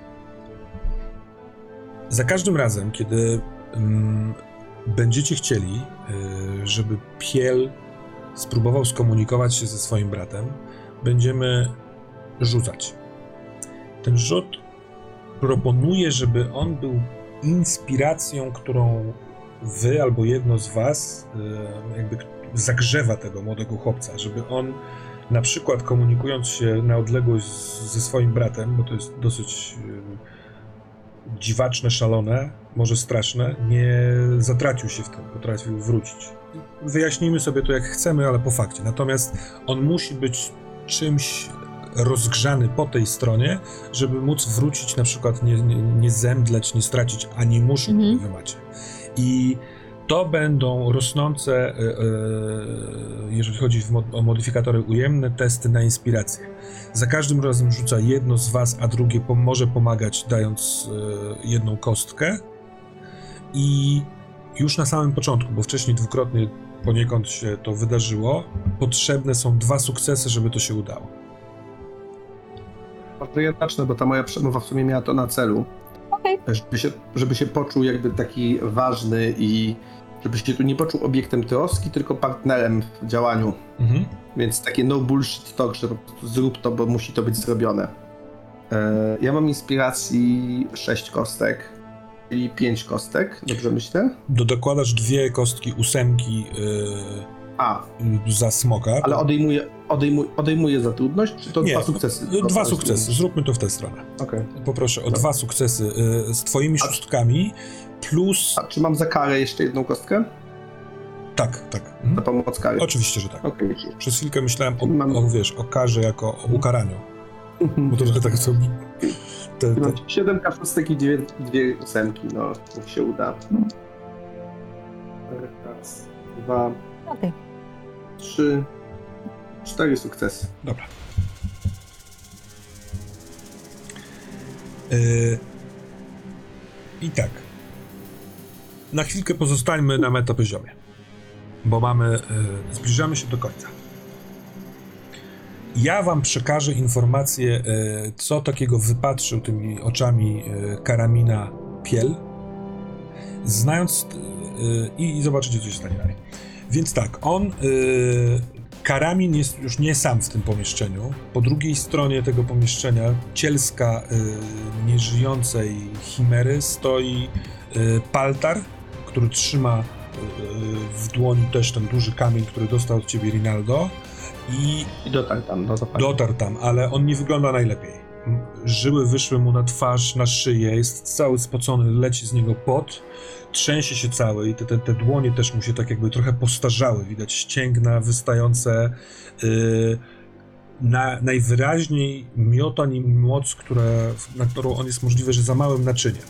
Natomiast te dwa kamienie trzymane przez chłopaka i przez y, Paltara są połączone światłem jakimś takim, rzeczywiście tworzą razem coś na kształt y, wspólnoty mocy. I wydaje się, że ten, y, ta szpara trochę urosła, trochę to pęknięcie urosło, jest większe niż było przed chwilką. I w momencie, kiedy Piel patrzy na to swoimi oczami swojego brata, to najpierw jedno oko w wykrzywiony, nielogiczny sposób, samo oko wydobywa się na zewnątrz, patrzy na tego Paltara, patrzy na chłopaka i no trochę tak jakby przez za małą szparę wyciskać jakiś worek z cieczą w środku. Całe ciało tak się zaczyna wylewać stamtąd. Czarny pysk, bardzo podobny do pyska y, tej poprzedniej chimery, ale też podobny trochę do Lexa. Wypływa i obaj mężczyźni zaczynają krzyczeć, yy, trochę tak jakby nie potrafili utrzymać tej mocy, ale nie są w stanie zatrzymać tego wypływającego cielska. Ono bardzo szybko po wypłynięciu skupia się w, takiego, w taką niewielką pijawkę i to rzeczywiście ten piel mówi, że wygląda jakby to się skurczyło i jak taka mała pijawka szybko wy, wężowym ruchem wy, wy, wylatuje, wypływa, jak, jak powiedzieć, no wywężowuje się z tej komnaty i znika w korytarzu, w którym ty też wcześniej, Rinaldo, podróżowałeś. Natomiast oni w związku z nieobecnością tego stwora rozświetlają swoje dwa kamienie jeszcze mocniej i utrzymują pęknięcie na tym poziomie. Za pęknięciem widać tuziny par oczu, które zaczynają się zbliżać, tak jakby chciały być następne w kolejce. Znaczenie tego jest takie: będzie jedna chimera na zewnątrz. Będzie trzeba z nią walczyć. Tych dwóch mężczyzn yy, walczy o to, żeby nie wypuścić pozostałych. Możliwe, że nie mają wystarczającej siły, żeby na przykład zamknąć całkowicie te, yy, te pęknięcie. I na zewnątrz gór wytoczy się ta, ten czterołap, ta duża chimera. Jesteście wy, ale wiedzcie też o zasobach, no na przykład stworzyliście sobie zasób pod tytułem Piels, który, który może się komunikować ze swoim bratem. To jest jakiś zasób. Mamy tutaj w pobliżu wszystko to, co mamy. Jeżeli wymyślicie z tego jakąś funkcję, jakiś zasób, coś, co może chociażby przydać y, kostkę, to to się przyda. I poniekąd walczymy na czas. Mam otwarty zegar, bo jeśli Chimera y, przetrwa odpowiedni czas, albo inaczej, nic się nie stanie, nie stanie z tym pęknięciem, to możliwe, że następna urośnie na tyle, żeby się wydostać. Rinaldo wszystko wie teraz. Skoczyło mu wszystko na swoje miejsce. Albo się bardzo myli, ale to zobaczymy. Karo, Pier, musisz przejść do mnie na mojego smoka. Będę cię potrzebował. Karo, tam za chwilę słyszałaś, co powiedział. Wyjdzie Chimera. Tak. Musisz z nią walczyć. Musicie z nią walczyć. Dam radę. Czuję... Wydaje mi się, że że mój smok może być kluczem. E, jeśli się mylę, to szybko ci pomogę, ale Esther poradzi sobie z nią bez problemu, skoro ja poradziłem sobie sam w ciemnym korytarzu. Także w ogóle się o was nie martwię. Chodź tu, chłopcze. Jakby wyciągam rękę, żeby przeskoczył. O. No po pierwsze, y, on nie robi takich rzeczy bez pozwolenia swojej przyjaciółki Kary. Kiejnam głową, że tak. Będzie bezpieczny. Po drugie, robi to, czego nie powinno się robić w takich momentach. Patrzy w dół. I dziesięcioletni chłopak, który ma skoczyć pomiędzy jednym a drugim smokiem, jest dla niego kosmiczne. Spogląda w, w ciebie, Rinaldo, śmieje się. I na ten śmiech twój smok, tak jakby trochę wiedział, yy, wyprostowuje skrzydło w stronę Esera, tak jakby chciał stworzyć taki nieruchomy mocno pomost. To sprawia, że tym drugim, lewym skrzydłem musi troszeczkę, wiesz, y, nadrabiać to, żebyście się utrzymywali na wysokości, a chłopak wstaje na nogi i żeby za dużo się nie zastanawiać, po prostu się rzuca. Chyba wymyślił, że jak nie trafi, to i tak go złapiecie w locie, zanim on spadnie. Więc jest dużo krzyku, lecenia takiego Aaaa! i on plask uderza na skrzydło, które Lex trochę podprowadził swoje lewo, tak żeby... Ma, Wyciągam rękę. Usiądź sobie tu przede mną, tu jest mało miejsca. tak. Powodzenia, Karo. Wezwij mnie w razie czego, aczkolwiek myślę, że Oczywiście. nie będę potrzebny. Trzask gór. Mm, Chyba to coś, co za chwilkę zobaczycie pod koniec wydostawania się na, na zewnątrz, już zaczęło rosnąć, przez co która z tych grot, którą wybrała roztrzaskała się. Właśnie słychać pękające kamienie. Po chwili na, tych, na tym pastwisku od strony szczytu pokazują się takie, taki tuman. Tu, tu, tu, tu, tu, spadające kamloty i pył wzbijający się od nich. I na początek e, widzisz Kara, e, albo inaczej, Eser pokazuje ci swój obraz. To jest smok obdarzony potężnym instynktem i on wypatruje coś, co, na co zwraca ci uwagę, czyli miejsce na trawie, gdzie na początku jest czarny, no właśnie pasek jakiś taki lśniący Mhm. który rośnie. I najpierw rośnie do tego, że, że po, jakby poniekąd na, na szczycie tego pastwiskowej części gór leży coś w stylu czerwia, takiego czarnego, obślizgłego, yy, okrągłego, składającego się jakby z segmentów, ale po chwili widać rzeczywiście, jak zaczyna iść to w górę na takich rosnących, rosnących, rosnących, czarnych, też obślizgłych łapach. I trochę tak jak opisywali Tueldianie. To jest wielgachnych, niemożliwych, gargantuicznych rozmiarów stwór. On, jak te łapy przestają rosnąć, trochę ma grzbiet na wysokości szczytu tych gór, parędziesiąt metrów w, w górę. No, latanie pomiędzy jego nogami jest dla Esera absolutnie żadnym problemem, bo te łapy są wielgachnymi filarami. One nie mają takich jakby palców, y, tylko taki obwód łapy to jest to, na czym on staje. I Kolumna. tak, kolumna bardziej. Niezgrabnym ruchem, który kosztuje dużo czasu, tak jakby może energii, yy, robi krok za krokiem i łeb na takiej dłużej szyjocielsku, ponieważ tam nie ma różnicy pomiędzy tym tułowiem a szyją, zwraca w stronę osady. Te sterczące w, poziomo, w poziomie szare e, zęby, jak wycelowane w łucznie, on otwiera ten pysk i wydaje z siebie ryk dając znać, że wie dokąd iść. Nie. Mały. Co robimy? Fajnie, fajnie. No tak. Jako, że Eser ma instynkt, Mhm. to e, ja mu chcę trochę jakby dać wolną rękę. On wie, co ma robić. W sensie on wie, gdzie ma atakować. E, więc jak on jest w stanie lawirować jakby wokół tego tej chimery, to czy jest szansa, żeby on znalazł jakiś taki punkt, nie wiem, gdzieś, gdzie jest w miarę blisko ścięgno, albo coś, żeby zabolało, trochę go nie unieruchomić, tą chimerę, czy coś takiego, bo nie oszukujmy się, jakby to jest y, ja go będę wykałaczką szturchać. Bardziej, żeby mu opóźnić jego marsz, zanim się pojawi y, Rinaldo z Lexem, bo sami nie damy rady.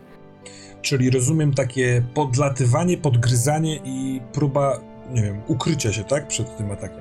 Przed kątem. Troszkę tak, Mhm. trochę tak. Ym, dobrze.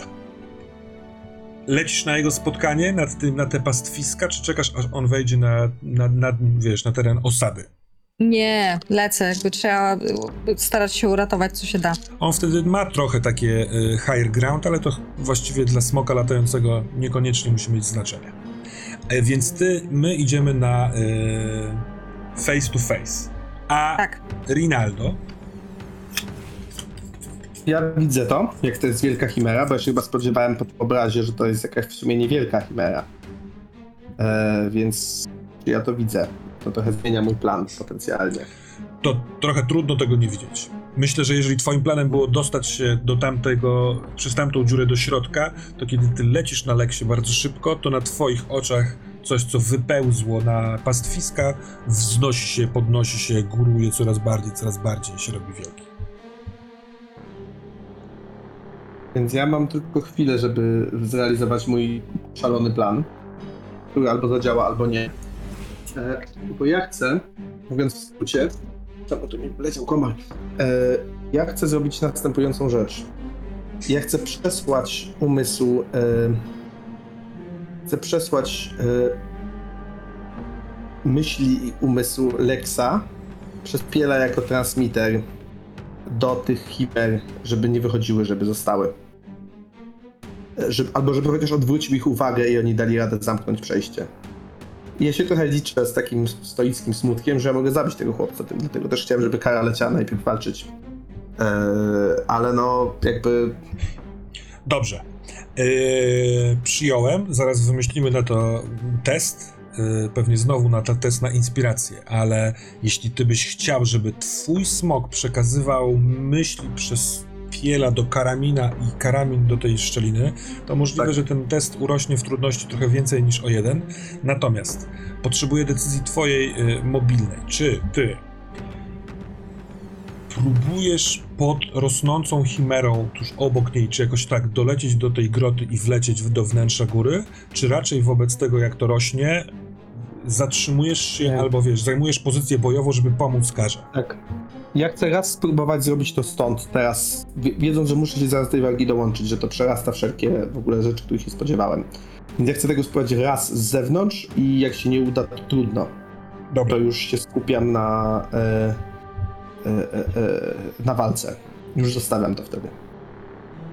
dobra, to y, Karo, wylosujmy pomiędzy sobą inicjatywę, pomiędzy tobą a y, chimerą. Mhm. Góra, dół i która karta? Yy, pierwsza po lewej, twoja. Twoja lewa.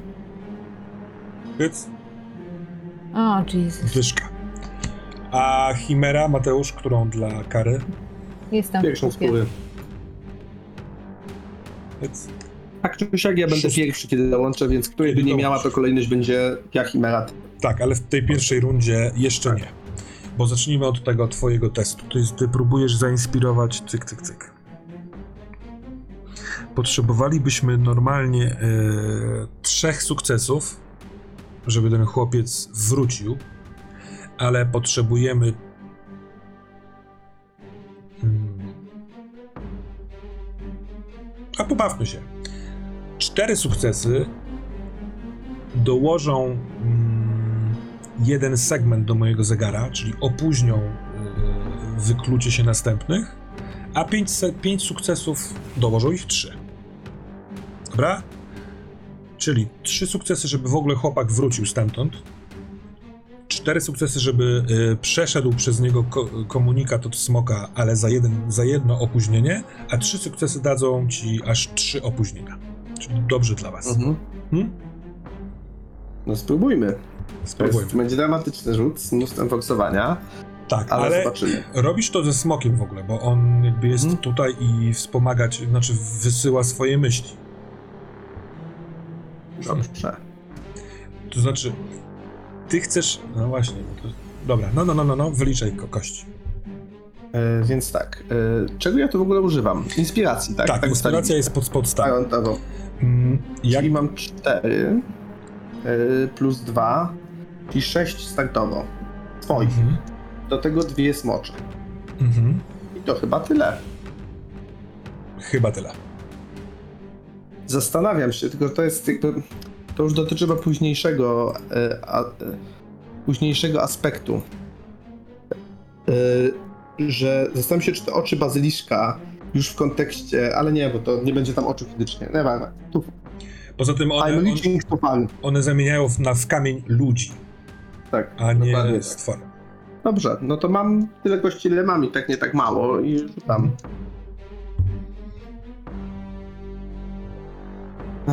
8 na smoczy, czyli dwa sukcesy, trzy sukcesy. Mm. Będę forsował. 8 na smoczy, czyli 3 sukcesy, a jedynki jakieś wypadły, czy w ogóle nie? Je, jedna, więc już jeden w animusz na pewno będę miał, nie przerzucam, przerzucam resztę. 7, czyli czwarty sukces. I żadnej dodatkowej jedynki, czyli jeden w animusz. I 4 sukcesy. E, Cztery sukcesy i więcej nie będzie. Do, ale dostajesz jeden segment. To może być dosyć kluczowe w odpowiednim momencie. Yy, I zatem przez piela do, twojego, do, do jego brata przemy, przenikają myśli smoka. Pozostawiam cię, Mateusz, na razie. Pomyśl chwilkę o tym, jakie twój smok, twój Lex yy, przesyła myśli do tych oczu zbierających się po drugiej stronie wyrwy. A Karo, yy, wielki stwór, człapiąc w stronę osady, czując, że tam jest, yy, mówiąc w skrócie i brzydko, jedzenie, yy, kieruje się ku tobie i będąc w pełni zdrowia korzysta z już powiem jakich ataków. Jej. dobra, on y, próbuje chwytać tą swoją zawieszoną na bardzo długiej szyjo, tułowiu pysku, po prostu chce nabić cię na te swoje wszystkie zęby. Jesteś na smoku, możesz unikać, nie kosztuje cię to rundy. Yy, I ten atak ma szybkość 2, więc potrzeba dwóch sukcesów, żeby uniknąć tego ataku. Okej, to ja unikam. To jest wartość więzi plus cecha, z którą więź masz. Tu Mm, jesteś na mm, mm, obyciu, tak? Na obyciu chyba, tak? tak. I do tego dwie kości smocze, czyli dwie ósemki. Czyli tak, dwa za więź, pięć za obycie i dwie smocze kości. Dodatkowo. Mhm.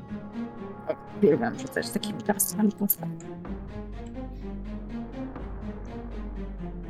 To jest jeden sukces, ja będę forsować. Dobrze, jeżeli są jakieś jedynki, to też je zostaw.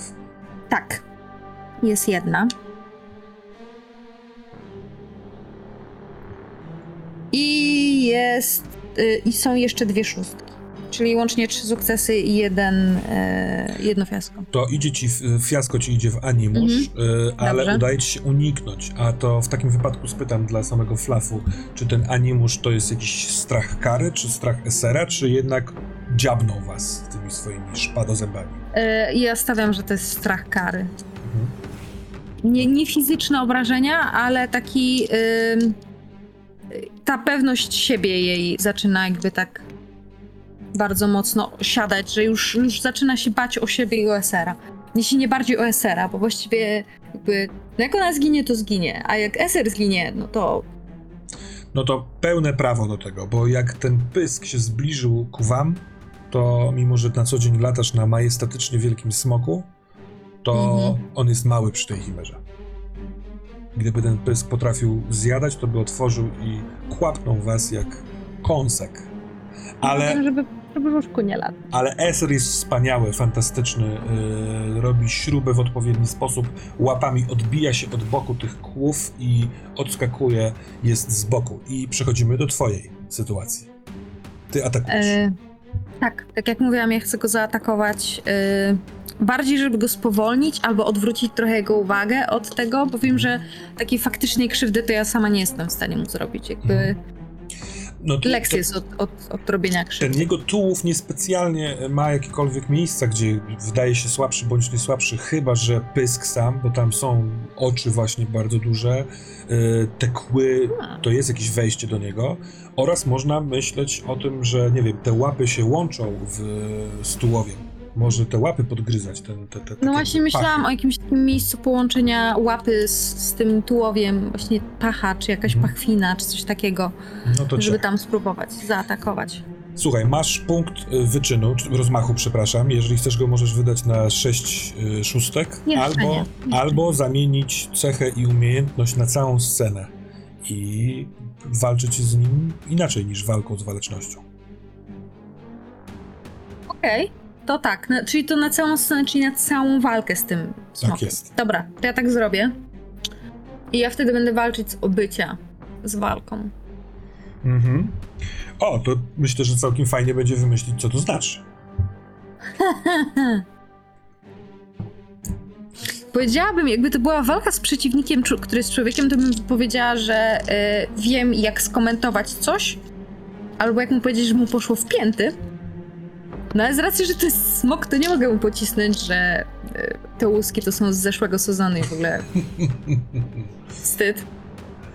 Eee, No ale może coś prowokacyjnego, takiego brawurowego, w sensie, nie wiem, no właśnie mu latać przed nosem. Chyba tak, chyba tak po prostu jakby droczyć się z nim i uciekać mu, Aha. e, próbować mu uciec i bardzo mu dokuczyć, taki bardzo denerwujący komar.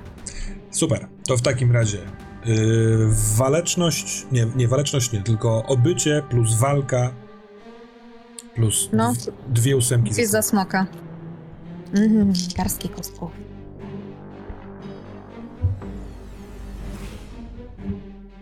I nie mam żadnego sukcesu. Czy jest limit forsowań? Nie ma limitu forsowań. Nie, jest Raz jeden na rzut. raz na test, więc jeżeli Jeden chcesz- raz na test. Teraz jeszcze go nie Tak, dobrze, to ja sobie zostawiam jedynkę, którą wyrzuciłam i forsuję. Jakby- No i tu mam drugą jedynkę i trzecią jedynkę. I jeden sukces. I jeden sukces. Tak, i t- obrywam za trzy. Obrywasz za trzy, ale go ym, trafiasz tym Tak. jednym sukcesem. I jeśli chciałabyś, możesz wykorzystać ten sukces nie na zadanie mu obrażeń, y, tylko na przykład na zwrócenie uwagi na siebie, albo na y, wymianę z nim y, inicjatywy w przyszłej rundzie. Bo to jesteś druga w stosunku do niego. Mhm. I w sensie, że wtedy on ma moją dziesiątkę, a ja mam jego szóstkę. Tak. Mm, nie, ja chcę go odciągnąć od wioski. Z powrotem na pole. Czyli też nie wyobrażenie, tylko ty go otaczasz tak, Tak. żeby on szedł w Tak. górę tych pastwisk. Dobra, Tak, super. w tę, w tę stronę, no. Koniec pierwszej rundy. Rinaldo, tylko nam dopowiedz, yy, co się wydarzyło tam w grocie we wnętrzu. Jak to wyglądało? To jest ciężko przetłumaczyć i opisać. Ja może nawet nie chcę tej tajemnicy jakoś roz, rozwikłać, ale on, on przesyła pytania o to podobieństwo. On chce wiedzieć po prostu. On się boi, ale się przełamał i chce wiedzieć. I tak naprawdę celem tej walki jest. Myślę, że rozproszyć tą bestię. Na tyle, żeby. Moim celem. Ja nie wiem, co jest celem. Myślę, że myślę, że jakby Lex ma swój szczery cel, żeby pytać i nie myśli za bardzo o niczym więcej. Nie wiem, czy odbierze udział w podstępie. To Rinaldo zakłada, używając jakby prawdziwej ciekawości Lexa podstęp. Nie tego chłopca biednego. E, więc zakładam po prostu, że liczę, że ta istota się rozproszy na tyle, żeby oni dwaj mężczyźni z kryształami, tam jest kapłan fachowiec jakiś potężny, no ja liczę, że jak nie oni, to już nikt, nie? Więc po prostu liczę, że to im kupi jakiś czas, może jakieś, że coś wprowadzi do równania, co zmieni cokolwiek, nie? Tyle. Mhm. Żadnego innego jakby... Bardziej, że to nie, nie płynie przez Rinaldo, nie Rinaldo jest obok tego, to płynie przez chłopca do Tak, smoka, tak, tak, ja tak, tylko po prostu wymyśliłem to, siedzę, czekam. Tak, ale Piel wróci, bardzo osłabiony, ale, ale przytomny zupełnie. I kiedy zda ci relację, to y, wszystkie oczy z wnętrza tego złego świata zaczęły ujadać w dziwny sposób w stronę y, Karamina, brata, z którego oczu patrzył i czuł, jak Karamin odpowiada im takim samym ujadaniem. Oni mówią jednym językiem, ale y, no tak, mechanicznie wiemy, że to wydłuży czas. To rzeczywiście wprowadziło jakąś konfuzję w te pęknięcie. Natomiast teraz, y, Rinaldo, ki- jakby, jakby kiedy to się kończy, to y, czy dołączasz do walki, czy masz inne plany? Dołączam do walki. Dobra, ty masz atak węża, więc jesteś pierwszy. Jaki ja się rzucę. Ja y, pi, pikujemy na lekcie, jakby każe się chłopcu trzymać. Mm, to jest w ogóle bardzo. Aha, bo jego. Kurde. Trudno, nie no, trudno. E, Każe mu się trzymać bardzo mocno, trochę go przykrywam ciałem. Nie ma tu jakoś dużo. I po prostu pikuję w dół, prosto w dół, tak gdzieś w okolicach szyi, jakiegoś miejsca wrażliwego, no bo tak zawsze atakuje Lex. Żeby go pokąsać, zatruć e, i odskoczyć i tak go po prostu spadać na niego, kąsać i odlatywać w różne miejsca, żeby go irytować i e, osłabiać. Dobrze. Y... Dobra. To w takim wypadku poproszę cię o zebranie swojej puli kości ataku. Ty, Bardzo wy oboje teraz, oboje teraz nie macie y, punktów rozmachu, więc nawet nie Mhm. spytam się ciebie, czy chcesz używać, tylko ja użyję. Ja go używam w ten sposób, że już pierwszy, jedynki w pierwszym rzucie y, oznaczają obrażenia, ale macie w salaterce jeden punkt dla siebie. Dobrze. No to mam tu moją pulę nie za dużą, dwie kostki. Rzucam. Masz dwie kostki w, w rzucie na walkę? Nie, nie, nie, nie aż Aha. tak. Y, na walkę mam jeden, ale cała pula. Mhm. Dobra, mam już dwie jedynki Hmm. i jedną szóstkę. Więc nie forsuję już bardziej. Eee, bo zostaje i tak z jednym animuszem.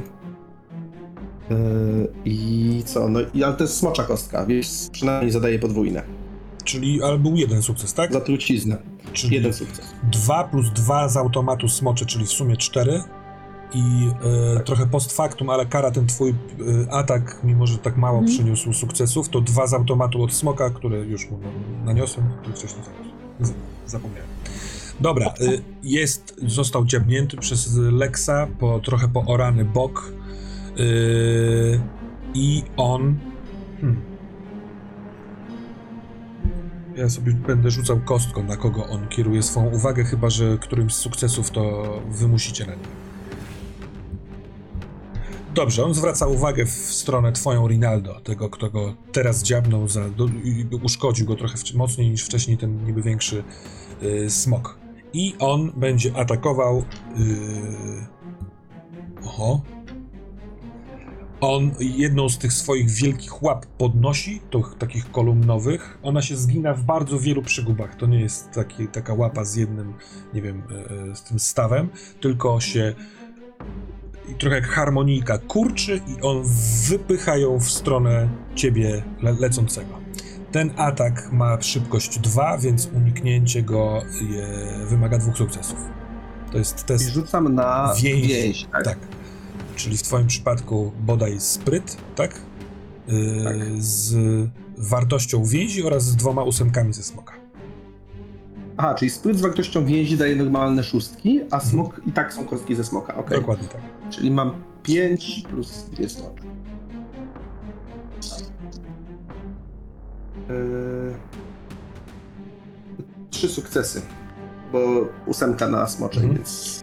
Więc to w zupełności wystarczy. Ten twój y, smok zrobi manewr po tym, jak zaatakował i y, odlatujący trochę od, nie, od, od tego stwora, natomiast kiedy ta kolumna się wyprostowuje w twoją stronę, to widzisz, że on od tej spodniej części ma we wnętrzu zrobione takie chwytaki, które nie są palcami, tylko takimi jakby w środku, nie wiem, jakby, jakby szczękami. On tym będzie próbował chwytać, kiedy tylko położy na ten, tą swoją łapę na czymkolwiek. Ale jego, y, jego atak się nie udaje i przechodzimy do ataku, do inicjatywy kary. Co ty robisz? Odciągnęłam go od tej wioski.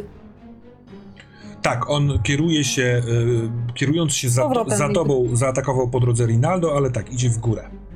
No to ja chcę znowu go zaatakować. Tym razem już, żeby próbować robić mu krzywdę. Y, Dobrze, jakby co, to jest po twojej stronie punkt y, rozmachu, czy chcesz z niego skorzystać, czy po prostu atakujesz swoimi kosteczkami. Nie, na razie atakuję swoimi kosteczkami. No to działa.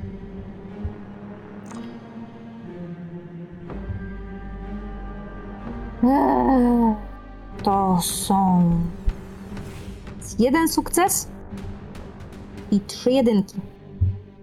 O kurczaczki. No Nie to, forsuję. czyli jeden sukces. Znów albo dostanie on trzy rany, bo dwa daj, zadaje smok, albo ten Mhm. sukces wyrzucony możesz, nie wiem, wykorzystać właśnie na zwracanie na siebie uwagi cały czas, albo na zamianę inicjatywy. Eee... ja się z nim zamienię teraz inicjatywą. Dobra, to w takim wyrazie yy, on dostaje tylko dwie rany i idzie za tobą lecącą w górę, yy, a ty, Rinaldo, masz go troszeczkę z boku i rozpoczynamy nową rundę. Ty w ogóle... Sobie wydam ten punkt rozmachu, żeby rzucać lepszą pulą. Teraz to dobry, dobry pomysł. Znowu na, e, na, na wale, tak, waleczność plus rozumienie to jest dobra kombinacja dla Rinaldo. Mhm. I ja po nią sięgnę znowu, bo ja widzę, że on jest za wielki i tu trzeba po prostu znaleźć sposób, bo... E, no bo nic innego. A skoro uruchamiasz rozumienie, od razu dostrzegasz, że to jak kara y, na swoim eserze podleciała i eser go smagnął, y, dostrzegasz zmianę nastawienia tego potwora. On wydał z siebie jakiś głos, przygarbił się, przyfałdował się. Y, też widzisz trochę podobne, tylko na mniejszej skali, zachowywanie Lexa, kiedy jest lekko rozwścieczony, kiedy już wie, że to nie jest gra i zabawa, tylko trzeba się spiąć, to on też trochę wygina y, grzbiet. I twój atak. Ja. Moje nieporozumienie polega na tym, że czując, nie wiedząc co oni w tym podobieństwie, czując nawet niepokój, ale próbując je wykorzystać, jak chcą przelecieć przed oczami i zaatakować go gdzieś tam w pysk, żeby był jakiś tym może skonfudowany. Ale to jest na końcu, to ma być po prostu atak, gdzieś tam kolejny Mhm. taki kąsający atak. Tylko specjalnie chcę, żeby on Tak, zdążył popatrzeć na Lexa. Dobra. To co? Większa pula i zupełnie tragiczny rzut. Mam tyle jedynek, żeby mnie zabiło, gdybym go sforsował, bo aż wam powiem z ciekawości, żeby anegdotycznie to zostało zapamiętane na nagraniu. Mam na obydwu smoczych kościach jedynkę oraz jeszcze trzy, czyli mam pięć jedynek i żadnej szóstki. E, No to tak, a więc po prostu... tu nie ma sensu tego forsować, ale jakby co? Nie, nie. Ty masz na jedynce animusz, a animusz spada do zera i nie może spadać, spaść niżej, więc akurat dużo jedynek w No ale takim... potem się dostaje, no tak, ale wolę, żeby mi jeszcze został, Dobra, e, mimo dobra. wszystko, więc Natomiast żadnych sukcesów. Tak. Także myślę, że Lex przelatuje. Może to jest tak, że kiedy. Może to nie zadziałało, tak sobie myślę, bo Lex też poczuł niepokój z tego kontaktu. Ja myślałem, że to będzie prowokacja, a to była trochę obopólna prowokacja. I Lex trochę stracił animusz też. I nie zaatakował, nie zdążył zaatakować. Dobra. Natomiast brak sukcesów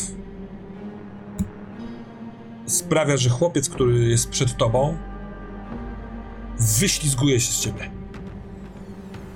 I Lex jest w stanie go spróbować złapać, jeśli uda ci się rzut na więź. Jeśli nie, to chłopiec będzie spadał w dół. Próbuję. Próbuję oczywiście. E, czyli mam tak. 4, 5 i dwie smocze.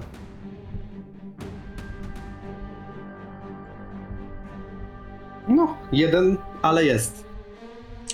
Jest. To, to działa. To w takim wypadku jedną z łap y, Lex łapie spadającego chłopca. Y, I tak naprawdę twoja decyzja, czy on go znowu sadza za tobą i ty będziesz mógł w następnej rundzie atakować, czy chcesz go odstawić, ale wtedy jedną, kosztem jednej rundy, co y, idzie wam powoli, więc y, może być istotne. Nie, Dobra. trudno. Jako każę go sobie dać z powrotem. No, chłopak spędza ciekawy czas. Y, Karo, teraz ty, ponieważ zamieniliście się z Chimerą inicjatywą. Tak. Miejmy taktykę. Mhm. Ja wiem o tym podbrzuszu, że tam coś się dzieje. Tam jest jakiś pysk czy coś. Ja na pewno chcę przelecieć i zobaczyć, jak to wygląda, jakby co, z czym my mamy tam do czynienia. Może nie wiem, może tam jest jakaś, jakiś guzik, który się kliknie i nie wiem, ona się złoży w sobie czy coś, no.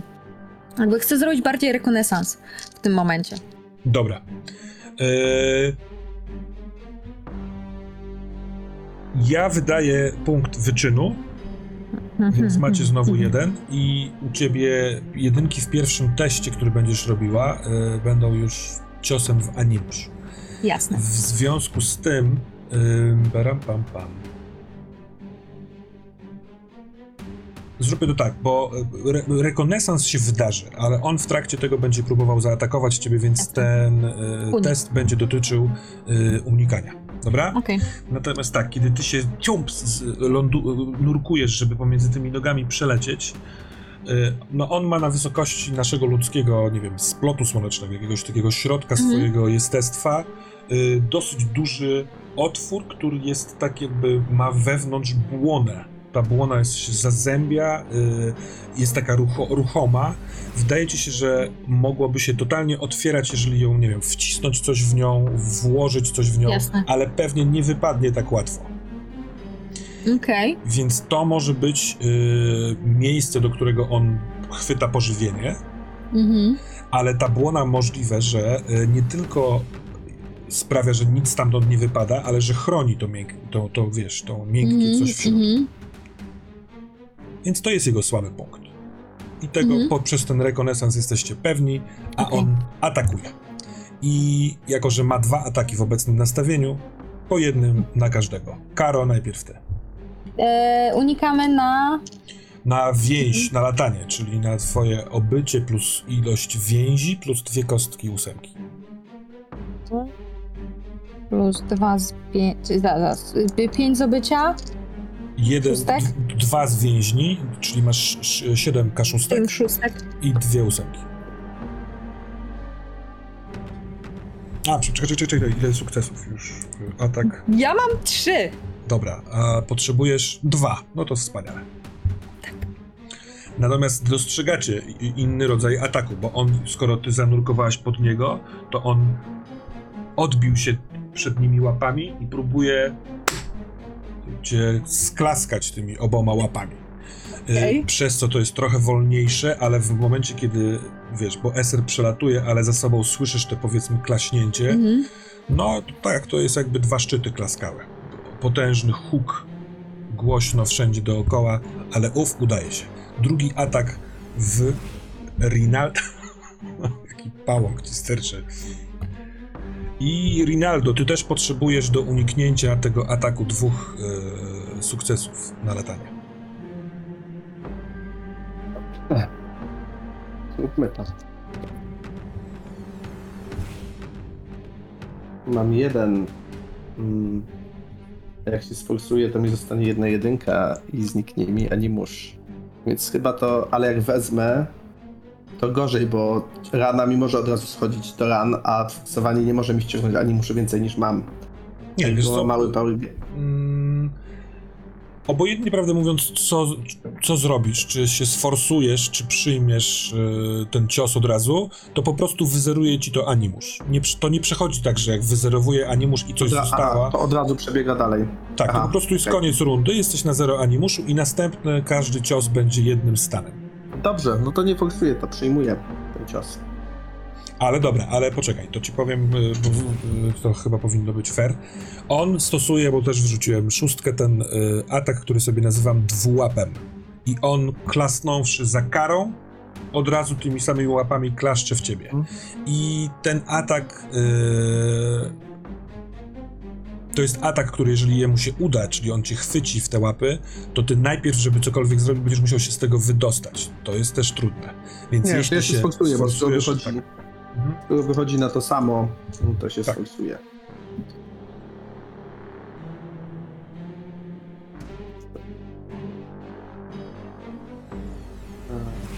O, aż trzy jedynki, ale jest kolejna szóstka. Czyli masz w sumie dwie szóstki. Uf. To mija cię ten jego cios, natomiast jeśli chodzi o animusz, to on już is no more. Nowa y, runda. Ten stwór y, jest na szczycie, daleko od wioski. To ci się udało, Karo. Kara też zrekonansowałaś słabszy ewentualnie element tegoż stwora. W nowej rundzie, y, na początku, zanim wykonacie ataki, jeśli chcecie, możecie się porozumiewać poprzez smoki. Nie widzę z tym żadnego problemu. Więc czy to, Fantastycznie. czy to robicie oraz co robi Rinaldo w pierwszej swojej rundzie. Y, ruchu. E, No przepraszam, najpierw te porozumiewanie się. Nie, czy- wprost mówiąc, czy Karo mówisz, przekazuje twój smok y, Lexowi Tak, pod brzuch. informacje o tym podbrzuszu, znaczy o tym splocie słonecznym, że moglibyśmy to spróbować jakoś wykorzystać przeciwko niemu. Dobrze. I Lex i Rinaldo to już bardziej Lex Rinaldo pozwala Lexowi lecieć, bo sam się musi otrząsnąć z przerażenia Mhm. e, i spróbować podjąć jakąś decyzję co do najbliższych minut.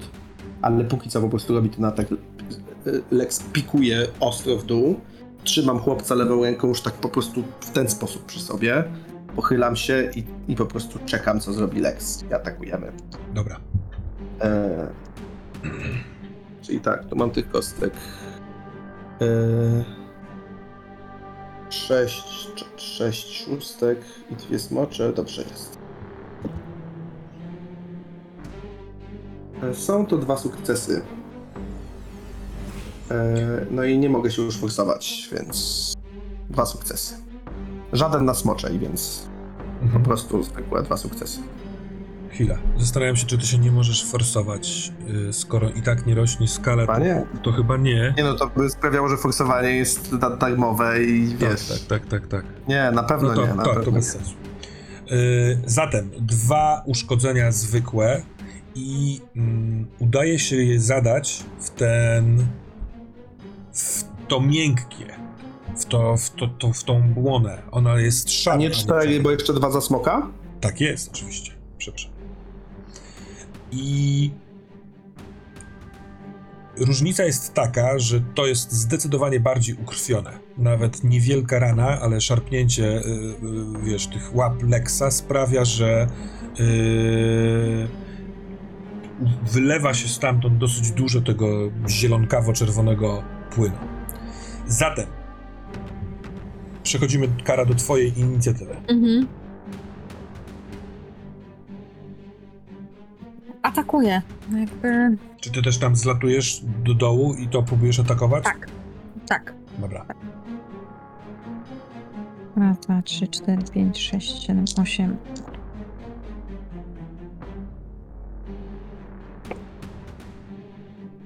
Raz, dwa sukcesy i dwie jedynki. Czy ja mogę sobie pozwolić na forsowanie, jak mam cztery?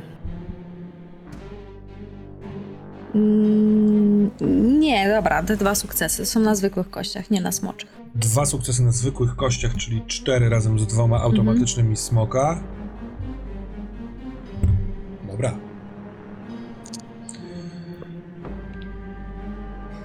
To w takim wypadku, y, bo część tych sukcesów nie jest sukcesami smoka. Czy ty też walczysz czymś? Masz coś w ręku? Czy y, właściwie kierujesz tylko smokiem, żeby. I ja kieruję tylko smokiem. Mhm. Eser jest na tyle potężny, że on wymaga obu rąk. I co on ma? Zęby? On ma jakieś On ma szpony na tych Szpony, łapach? szpony i zęby Czy duże. przy tak. skrzydłach ma kolce, którymi też może szarpnąć?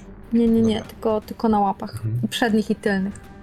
W momencie, kiedy on wbija się w tę błonę, a ona jest od dołu, więc to też on musi zrobić manewr, odwracając się na Mhm. grzbiet, ty wtedy jesteś trochę do góry nogami i on wtedy potężnymi łapami uderza w tę w tę błonę i chlapie ta posoka. Ale wraz z tym yy, przez chwilkę widzisz jakby w tej dziurze yy, po ranie wnętrze tego, jakieś takie dziwne, czar, dziwną czarną czeluść. Ta błon, błona się zasklepia, ale yy, stwór wyje z bólu. Tu już jest trochę przerażenia, yy, trochę determinacji yy, i straszliwy hałas. Oraz kontratakuje. Ma dwa ciosy i tymi atakami, a wali w, po jednym w każde z was. To może teraz najpierw sprawdźmy Rinaldo.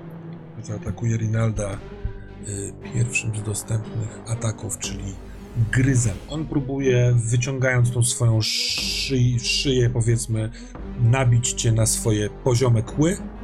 I niestety to jest najszybszy jego atak. Potrzebne są cztery sukcesy, żeby uniknąć lataniem. Tak, to jest bardzo szybki Mam strzał. jeden. Mam jeden, więc już nic więcej z tym rzutem nie mogę zrobić. Dobra.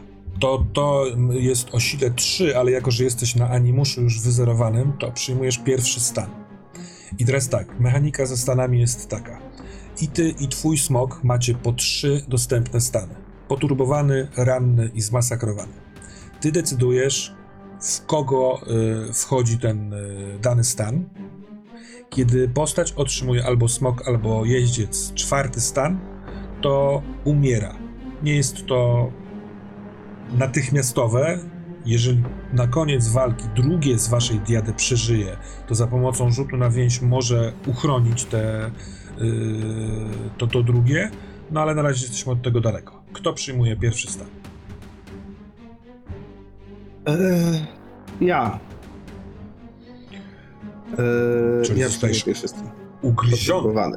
czy poturbowany? Tak. To, to co, on trafił w ciebie którąś z tych swoich włóczni zęb, Myślę, że, myśl, myślę, że tak. Myślę, że to było tak, że ona była wyciągnięta i e, Lex się podnosił do góry, żeby jej uniknąć, gdzie na mnie po prostu przeorała mnie przez nogę i kawałek boku. Płytko, ale tak długo. Bardziej jakby niż wbiła, to po prostu tak w pionie przeszurała. Dobra. Yy, drugi atak leci w karę i to będzie atak dokładnie ten sam. Więc potrzebujemy czterech, Um, czterech żeby uniknąć. Pamiętaj, że jako smok z instynktem masz dodatkowe dwie kości smocze w tym rzucie. czyli rzucam czterema kałusenkami? Tak. Lubię ten system. Takie taka garst kostek do rzucania. I Mhm. zero sukcesów. No, rzuty macie dzisiaj bardzo nieprzyjemne. Ale najpierw było Daj. części. Tak, jeden sukces. Jeden Jeden. sukces. Jeden sukces. Czy forsujesz? Nie mam jedynek, więc forsuję.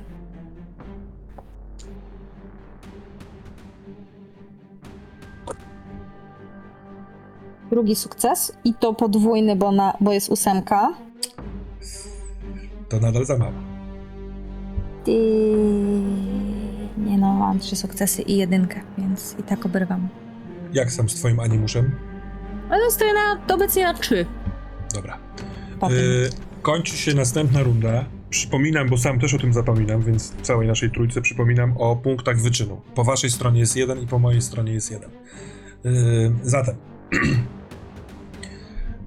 ten, ta chimera y, w związku z tym, że atakujecie teraz o, jakby od dołu, y, nie ma powodu, żeby kogoś gonić czy ścigać, więc ona znów obraca się y, w kierunku osady na dole, bo tam jest najwięcej ludzi i będzie z wami walczyła, ale idąc tam, właściwie próbując biegnąc, biec tymi krokami szybko pokona taki dystans.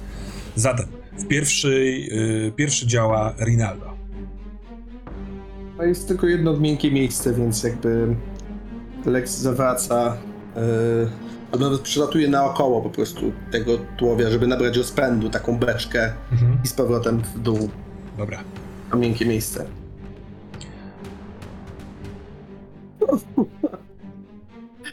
Żadnego sukcesu. To nie jest nasz dzień. No. Ja, y, będziemy zaraz uciekać, wiesz o tym? Nie możemy! A więc Ale tak, będziemy. krwawiący Rinaldo od tej rany wcześniejszej, ta krew po, też po, po trochu spływa na nogę siedzącego przed tobą chłopca. Ten chłopiec jest półprzytomny z oszołomienia, on chyba też jest nieprzyzwyczajony do, do powietrza tak na wysokości, jak, jak wy latacie. Yy, no i nie udaje się trafić. Lex, Lex nie trafia. I jak krzyczę chłopcu do ucha, zobacz, czy zamknęli bramę. W sensie to jest bardzo głośne bez powietrza, ale mówię mu to prawie do ucha. Ale Dobra. jakby nic nie zamierzam robić z tym, czy on to zrobi, czy nie, po prostu. Yy, ale yy, czy chcesz, żebyśmy użyli mechaniki, na której się umówiliśmy? Jego powrót do przytomności stamtąd wymagać będzie czterech yy, sukcesów na inspiracji. Przy tych rzutach im wrażliwości forsowania to go zabije, więc nie robię tego jednak. Mhm. Myślę, że w fikcji fajne, żeby Rinaldo to wykrzyczał na zasadzie, chyba, że sobie zdaje że, że, że, że, sprawę, Myślę, że sobie nie zdaje do końca, nie. ale ten chłopiec jest po prostu wiotki, jak źdźbło trawy teraz. Y, Karo, jest twoja kolej. Stwór ruszył w stronę tu, Tueldy, jeszcze tam nie dota, dotrze, ale yy, no wie o tym. Wściekły, krwawiący i dwa smoki latające po Mhm. nim. Mhm. Co chcesz zrobić? Jak wygląda ten otwór gębowy? W sensie, czy on jest zasklepiony z powrotem tą... E... Błoną, tak. Wszystkie Błoną? ra rany po tym, jak obficie krwawią, ale przez 2-3 sekundy, od razu się zasklepiają. Ale y, to już trzecie bodaj, ci- trzeci bodaj cios. Y, każda kolejna się troszeczkę wolniej zasklepia. To jest słaby punkt. Ja chcę przekonać Esera, żeby on tam by przysiadł przy tym i rwał, kopał i gryzł, aż się przegryziemy, żeby wejść do środka. Jak Dobra. duży jest ten otwór? On jest olbrzymi, prawda? W sensie to, to jest tak duży otwór, że Eser się tam wciśnie. Absolutnie, no nawet nie będzie musiał się wciskać, on tam po prostu wleci. Fantastycznie. Ale jeżeli dobrze słyszę, to y, czy chcesz mm, rezygnować z unikania, dodając sobie jedną kostkę smoczą do ataku, czy jednak atakujesz normalną pulą, ale każdy z Nie. tych ciosów unikasz? Nie, będę starała się uniknąć jednak mimo Dobra. wszystko. No to podejdźmy do pierwszego ataku. Mamy punkt y, tego? Tak, macie. Ataku? Tak, tak, tak, dziękuję. Mateusz, czy mogę wykorzystać? To jest dobry moment, zdecydowanie wykorzystaj, tak. Super, czyli to będzie tak. Ym, osiem. Mam dwa, cztery, sześć. Osiem plus kolejne sześć kaszustek, których nie mam. Mam cztery. Hmm. To na radę. Dwie za smoka, ósemki. I czy instynkt tutaj jeszcze mi wchodzi, czy już nie? Nie, instynkt przy unikaniu. Prze, przy unikaniu. Dobra, to ja najpierw rzucam podstawową pulą kości Mhm. na atak, a potem sobie dorzucę te szóstki. Dobra. Więc. Yy, dupa? Nie mam żadnego Zero? sukcesu. Żadnego? Żadnego. A masz jakieś jedynki? Nie. Dobra i to. No to rzucaj jeszcze sześcioma. To teraz dodatkowe sz... dodatkowe sześć. Sukces i jedynka. Co za szał. Więc ja będę forsować. Dobra, to rzucasz yy, 14, 12 kaszustkami i dwoma ósemkami. Tak, więc najpierw rzucam ośmioma szóstkami, bo tyle mam. I ósem, dwoma ósemkami. Noż! Mam dwie jedynki, dwa sukcesy, trzy sukcesy. I jeszcze teraz dorzucam sześć szóstek. Jezus. Czekaj, czekaj, chyba cztery, bo dwie zostawiłaś już wcześniej. Tak, dobra, dziękuję, masz rację. I tu nie mam sukcesów, ale mam w takim wypadku cztery sukcesy i trzy obrażenia. I mam animusz na zero. Dobra, ale cztery sukcesy w tą Tak. błonę W tym jeden na smoczej. to nie, no, nie robi, bo smok i tak automatycznie dodaje Mhm. dwa. To jest... Okej. No to smok się wziął do roboty. Fantastycznie. To jest. y, On, on, on. On to robi, żeby cię ochronić. O, To chyba dosyć jasne, y, ale takiej zawziętości chyba mogłeś jeszcze u niego nie widzieć, bo tymi tylnymi łapami, nad, jak najszerzej się dało, chwyta się cielska, wbija szpony, przebija przez to ciało, a przed nimi po prostu tak jak kazałaś, ryje, ryje w, to, w tą błonę. Krwawienie jest jakby właściwie nie do końca ustające, cały czas y, wylatuje. Ty, jeśli spojrzysz, bo jesteś tego teraz bardzo blisko, cały czas widzisz na przestrzał dziwne miejsce, bo to nawet trudno określić, że to są wnętrzności potwora, to jest jakieś inne Mhm. miejsce. Tam jest ciemno-szaro. Dobra. I jego kolej.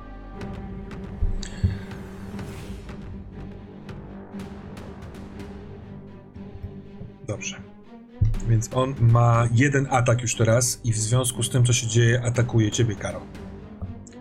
świetnie. I.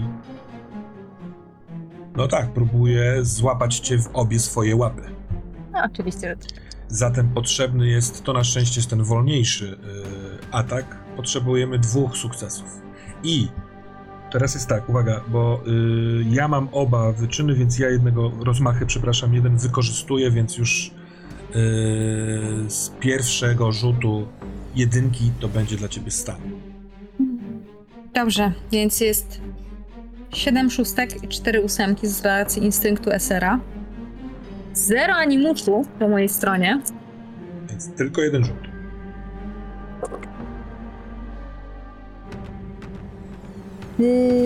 Dwa suk... Trzy sukcesy, jedynka.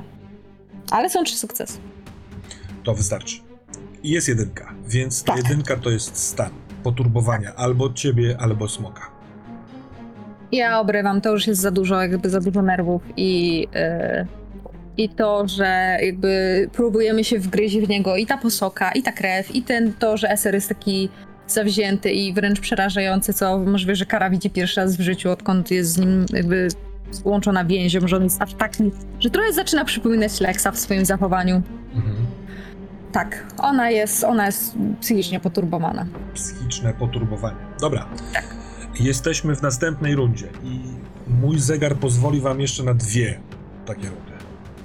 Jesteście dosyć blisko, ale yy, bądźmy tego świadomi. W następnej rundzie, jeśli on nie, stwór nie padnie, to przebiegnie się po domach. Możliwe, że sięgnie już też yy, jedną z tych swoich kolumnowatych łap ku obozowi, ale obóz się oddala, bo pozwolono mu, więc pewnie nie. Natomiast yy, ostatnie momenty, desperackie momenty, Rinaldo, ty jesteś pierwszy. Mm. Lex chce wlecieć do środka tych wnętrzności, korzystając z tego rozrywania go i tam po prostu takiego szarpania. Myślę, że jest jakiś moment, kiedy to jest otwarta przestrzeń. Po prostu skoro z zewnątrz jest mu tak trudno zrobić krzywdę, to może po prostu, wiesz, wpaść do środka i szarpać co się da i wylecieć gdzieś z drugiej strony, albo z powodem jest tak wielkie, że po prostu taki chaotyczny przejazd przez środek Tym bardziej, że Lex jest jadowity. Mhm. Więc ja nawet, jak po prostu chłopca już kompletnie jakby przyciskam, widząc co Lex chce zrobić, to bardziej pomysł Lexa, myślę. To jest jakiś wściekły, może zrozpaczony tym, że ta walka jest, że on dalej nie rozumie, Dobra. kim jest ta istota. E, Więc ja mu trochę zasłaniam oczy, trochę go tak chowam. Sam też już jestem osłabiony tą raną i po prostu chcemy wbić do środka. Dawaj.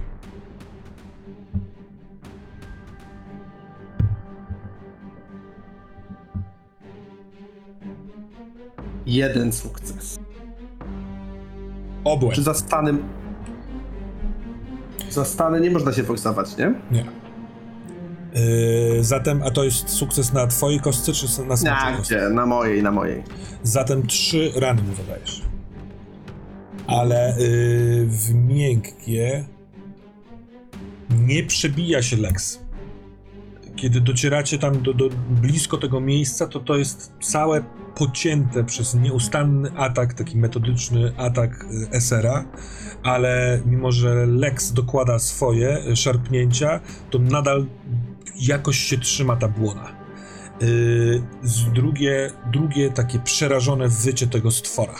I nawet dostrzegacie, yy, głównie po tym, że jako że jesteście pod spodem, bo świat się nagle przekrzywia, że jedna z tych czterech łap ugina się podczas robienia kroku. Tak jakby już się słaniał, a jak się słania taki kolos, to no, no, przy- przychyla się cały świat. Karo.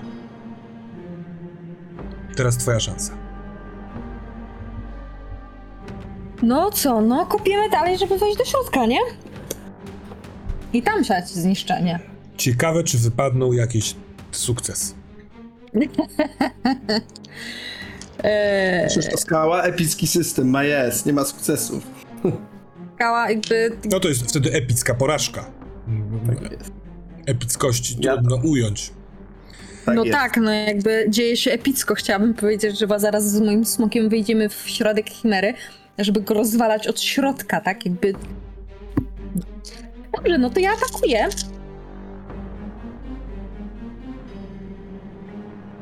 Nie oddam ci już tej jakby tego y, rozmachu, bo zrobisz mi krzywdę A, znowu. poczekaj, poczekaj. Macie jeden wyczyn. Tak. Może chcesz sobie sześć kostek do głowy. No właśnie. Mateusz, co uważasz?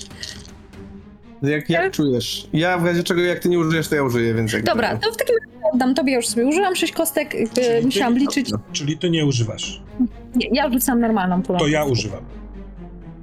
Yy, tego swojego drugiego. I jedynki na pierwszym rzucie to już jest stan.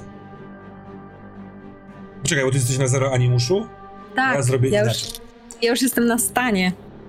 To inaczej, don't hold your punches, graj z nami twardo. To w takim wypadku korzystam z. Ob... A nie, bo ja mam tylko jeden. Nie, muszę, muszę z tego. Robię tak, że jedynki na twoim pierwszym rzucie Mhm. są stanami.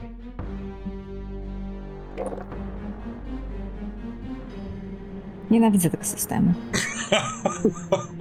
10 minut temu był super. Proszę. Ale nie masz żadnej?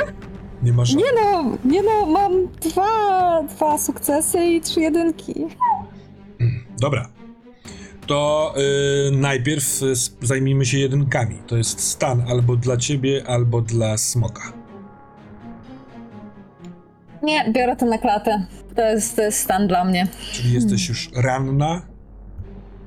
Mm.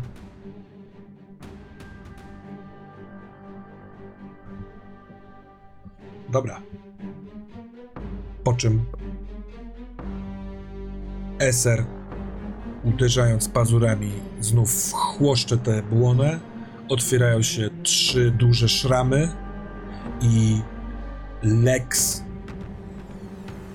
wypuszcza z siebie taki, takie westchnięcie, takie trochę ulga, a trochę coś ze środka jakby go bolało i właściwie ułamek sekundy później z wnętrza pyska tego, tej chimery wydaje się podobny dźwięk.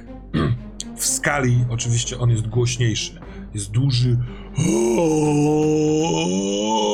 no roznoszący się echem po tych górach i te trzy ostatnie spa dziabnięcia już się nie chcą zasklepiać. Leci, leci krew, a Eser wiedząc o tym i wiedząc, że ty jesteś ranna, wypuszcza się, żeby jak najszybciej przekręcić się, żebyś nie musiała wisieć do góry nogami. Yy, I kiedy się wypuszcza, uderza skrzydłami, żeby wylecieć spod cielska. Nogi kolosa zaczynają się jak harmonijka składać takimi przeskakującymi. I za chwilkę ten tułów opadnie na glebę.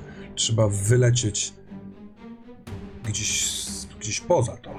Albo wlecieć do środka. Co robicie?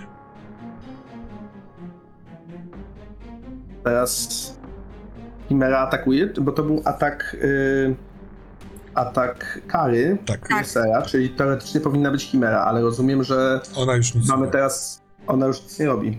To to ja próbuję wylecieć. Po prostu. Wylecieć w sensie spoza. Yy, O, spod, Poza poza, ciałem. spoza jego zasięgu, kiedy się będzie prze, prze, przewracał. dobra. Karo, czy To, to chcesz. jest latanie, nie? Nie, nie, nie, to nie będzie test. Karo, czy ty Aha. chcesz y, zrobić coś innego niż chce zrobić Eser? Eser chce stąd po prostu wylecieć ciebie poza ten, Mm. te cielsko. Nie, ja mu pozwolę. Dobra. On wie lepiej. Dwa smoki unoszące się po dwóch stronach cielska, które z takim opóźnieniem, przez to jak jest wielkie, w końcu buch, uderza o ziemię. Ta zielona, e, zielony skos, pastwisk cały się trzęsie. Macie wrażenie, że to jest takie bardzo małe, ale trzęsienie ziemi, bo to tutaj się odła odłamuje od tego uderzenia jakiś kamlot, on spada, zabiera drugi kamlot, jeden uderza w ścianę domu, tam na dole w tueldzie, to się niesie takim głoś, głośnym grzmotem, echem, ale w końcu ucicha. Ten stwór zaczyna karleć, tak jakby skoro urósł, bo ma taką umiejętność, po śmierci znowu to się zlewało w niewielką, znaczy jak na niego, y, no pijawkę o długości bardzo wysokiego mężczyzny. I w momencie tego karlania widzicie, że skóra zaczyna przebijać się w pewnym momencie, bo kryształ, który był w środku tej chimery, on tak jakby urósł w trakcie tego krótkiego życia. Jest większy niż truchło. Więc finalnie mamy rozerwane w pół cielsko chimery, około dwumetrowe, i w środku sterczący, duży, jeszcze opływający zielono-czerwoną posoką kryształ. Ja przez cały czas, kiedy to się dzieje, mówię e, do e, z góry, e, mówię do chłopca. Patrz chłopcze, nie odwracaj wzroku.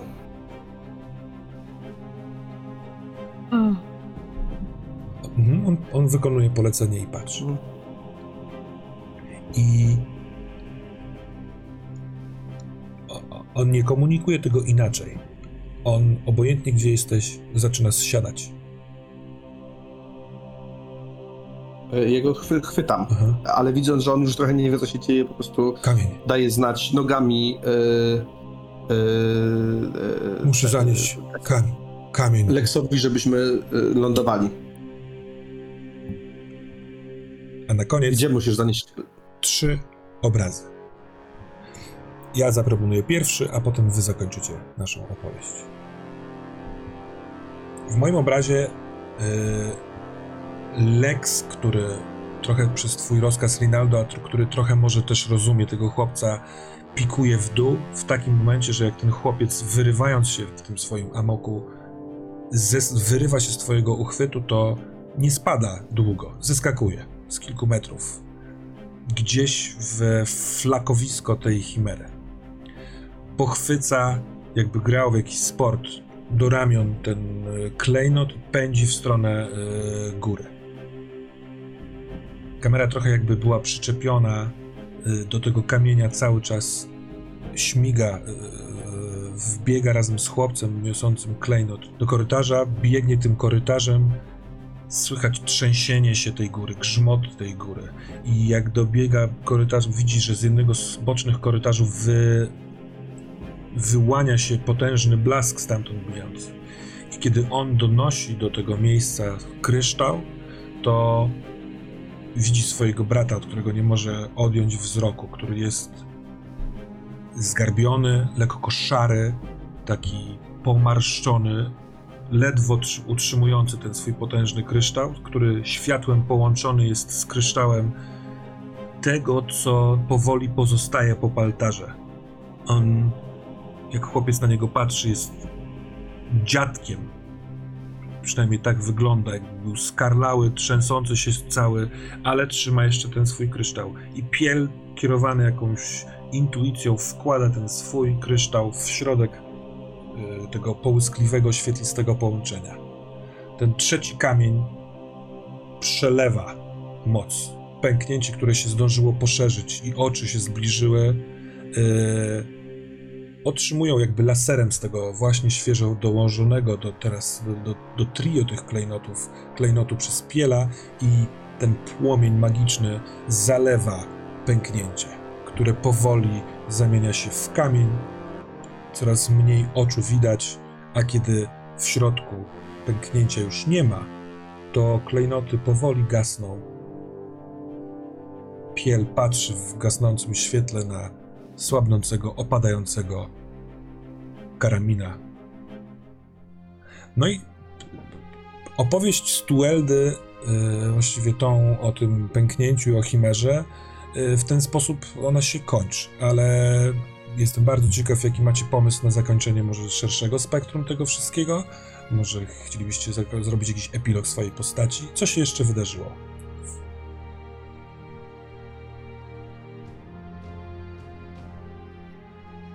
Hmm? Tak? Ja mam przodem. Jeszcze, jeszcze myślę.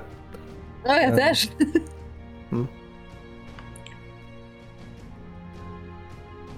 Myślę, że.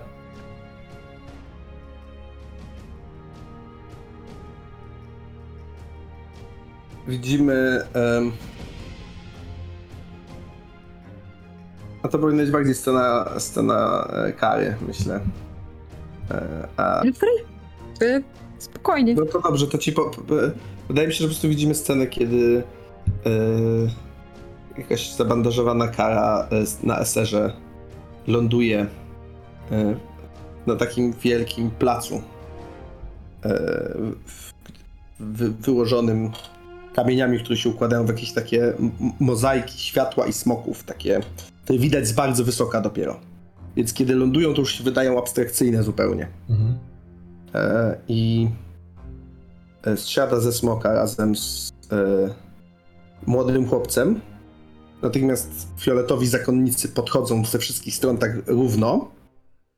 Część z nich natychmiast podchodzi do, e, do kary, ale część podchodzi do chłopca, który jest tym zaskoczony, wszystkim oszołomiony. Nie wiem, co jeszcze się tam może dziać. Weź to ode mnie. Hmm.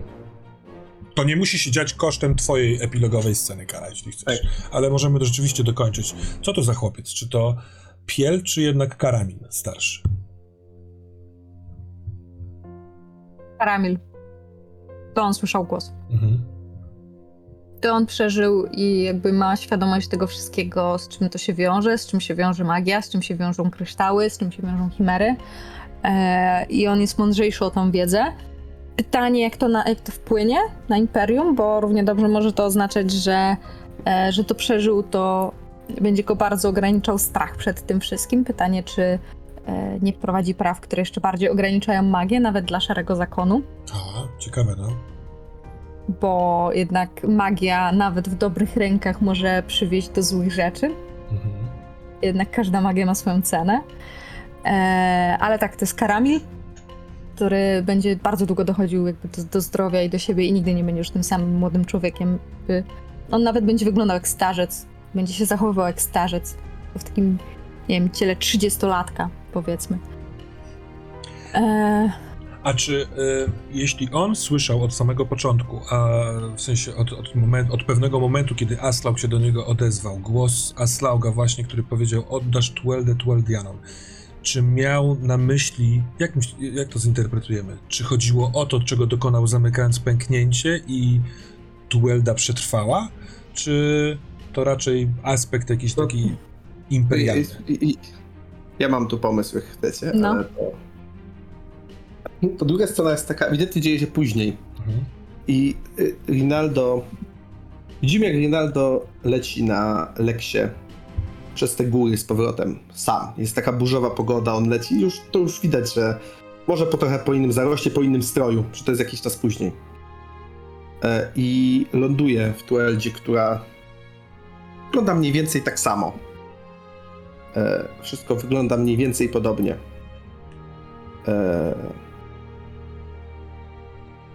I najpierw e, Rinaldo tak siada na obrzeżach tej osady ze smoka. Mówi do Lexa: Przylatujemy tu ostatni raz. Jeśli masz tutaj jakieś myśli do przemyślenia, głos do usłyszenia, to jest to twój czas na to.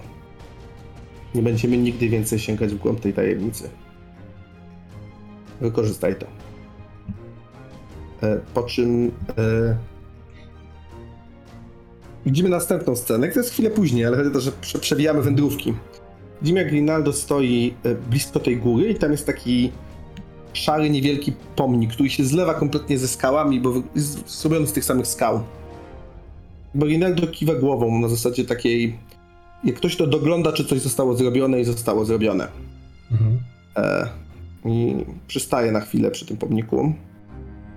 E, schyla głowę, to jest krótka chwila. Po czym odchodzi, teraz go widzimy, jak wkracza już do Tweldy. I idzie do domu e, Ramila, który czeka, myślę, że już przed wejściem. To, jest, to wygląda na zapowiedzianą wizytę, Mhm. nie na niespodziankę. On się wspiera na takim dość dużym kiju, na którym Mhm. już pewnie będzie musiał się zawsze wspierać. Ta rana się okazała poważniejsza. Pamiątka. Pasterzu,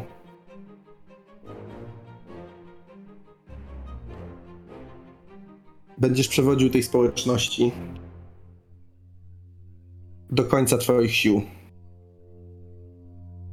Później władzę obejmie pierwszy imperialny namiestnik Piel. Kiedy będzie gotowy, sam przygotujesz go do tego zadania. Wsłuchujcie się w głos Slauga, który słychać z waszej góry. Powiem wam co dalej. Powodzenia. Jakby nie czeka na odpowiedź, Rinaldo nie czeka na odpowiedź i rusza w stronę Esera, który gdzieś w tle.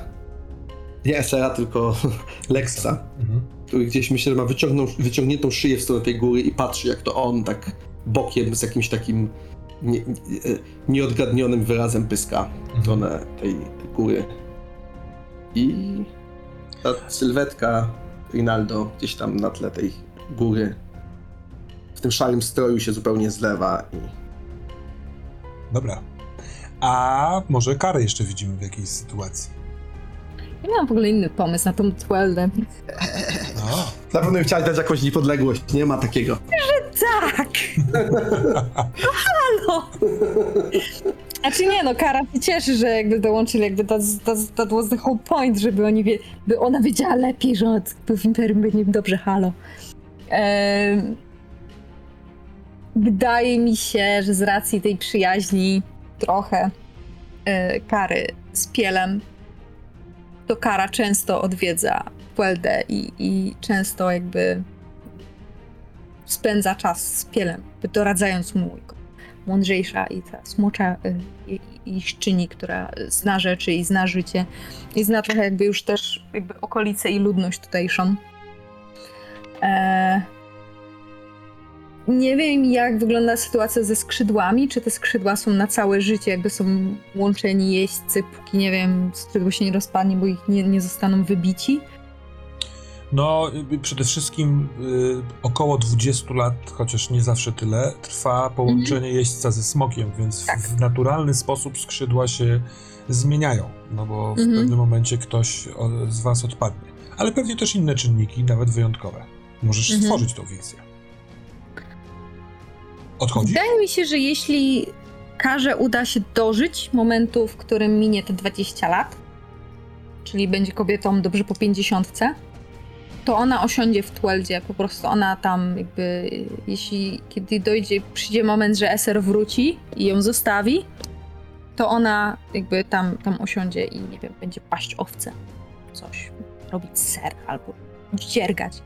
Ale jakby to jest, to jest końcówka jej historii w momencie, w którym zakończy się jej więź z Eserem, który gdzieś tam odleci z powrotem do Aslauga. No to ja Ona chcę to będzie- zobaczyć. Kara w takiej długiej, białej y, sukience przepasanej pas, paskiem z wiankiem wokół siwych włosów. Bardzo nieasertywna, bardzo taka nie, nie, nie, wzbu- nie podbudzająca, nie podburzająca, nie dyskutująca specjalnie. No teraz jest idealnie. Masz paręnaście, może nawet parę, dziewię- parędziesiąt owieczek, które wesoło robiąc me, me, me, chodzą po trawie. Ty masz y, w ręku taki długi kij, na którym się jednocześnie wspierasz, ale na którym możesz grać jak na takim bardzo dużym, dziwnym dideridu, y, które nie ma jednego takiego wyziewu, tylko właśnie kilka i po części, kiedy ty na nim grasz, to jednocześnie wiatr w tych górach bardzo silny wlatuje w inne dziurki i wydaje ci razem coś leci. Czarny punkt, daleko, coraz bliżej, coraz bliżej, który poznajesz, który jest leksem, już bez jeźdźca, który jest leksem, który pot- potrafi doskonale w punkt podejmować decyzje, który chwilkę kołuje nad szczytem góry, rzuca w twoją stronę okiem, tym swoim dziwnym, takim martwym. Po czym natychmiastowo pikuje w dół, przyklejając do tułowia skrzydła, kiedy wygląda jak taka podłużna pijawka, bez wyhamowania wbija się we wnętrze góry w korytarze i znika ci z pola widzenia.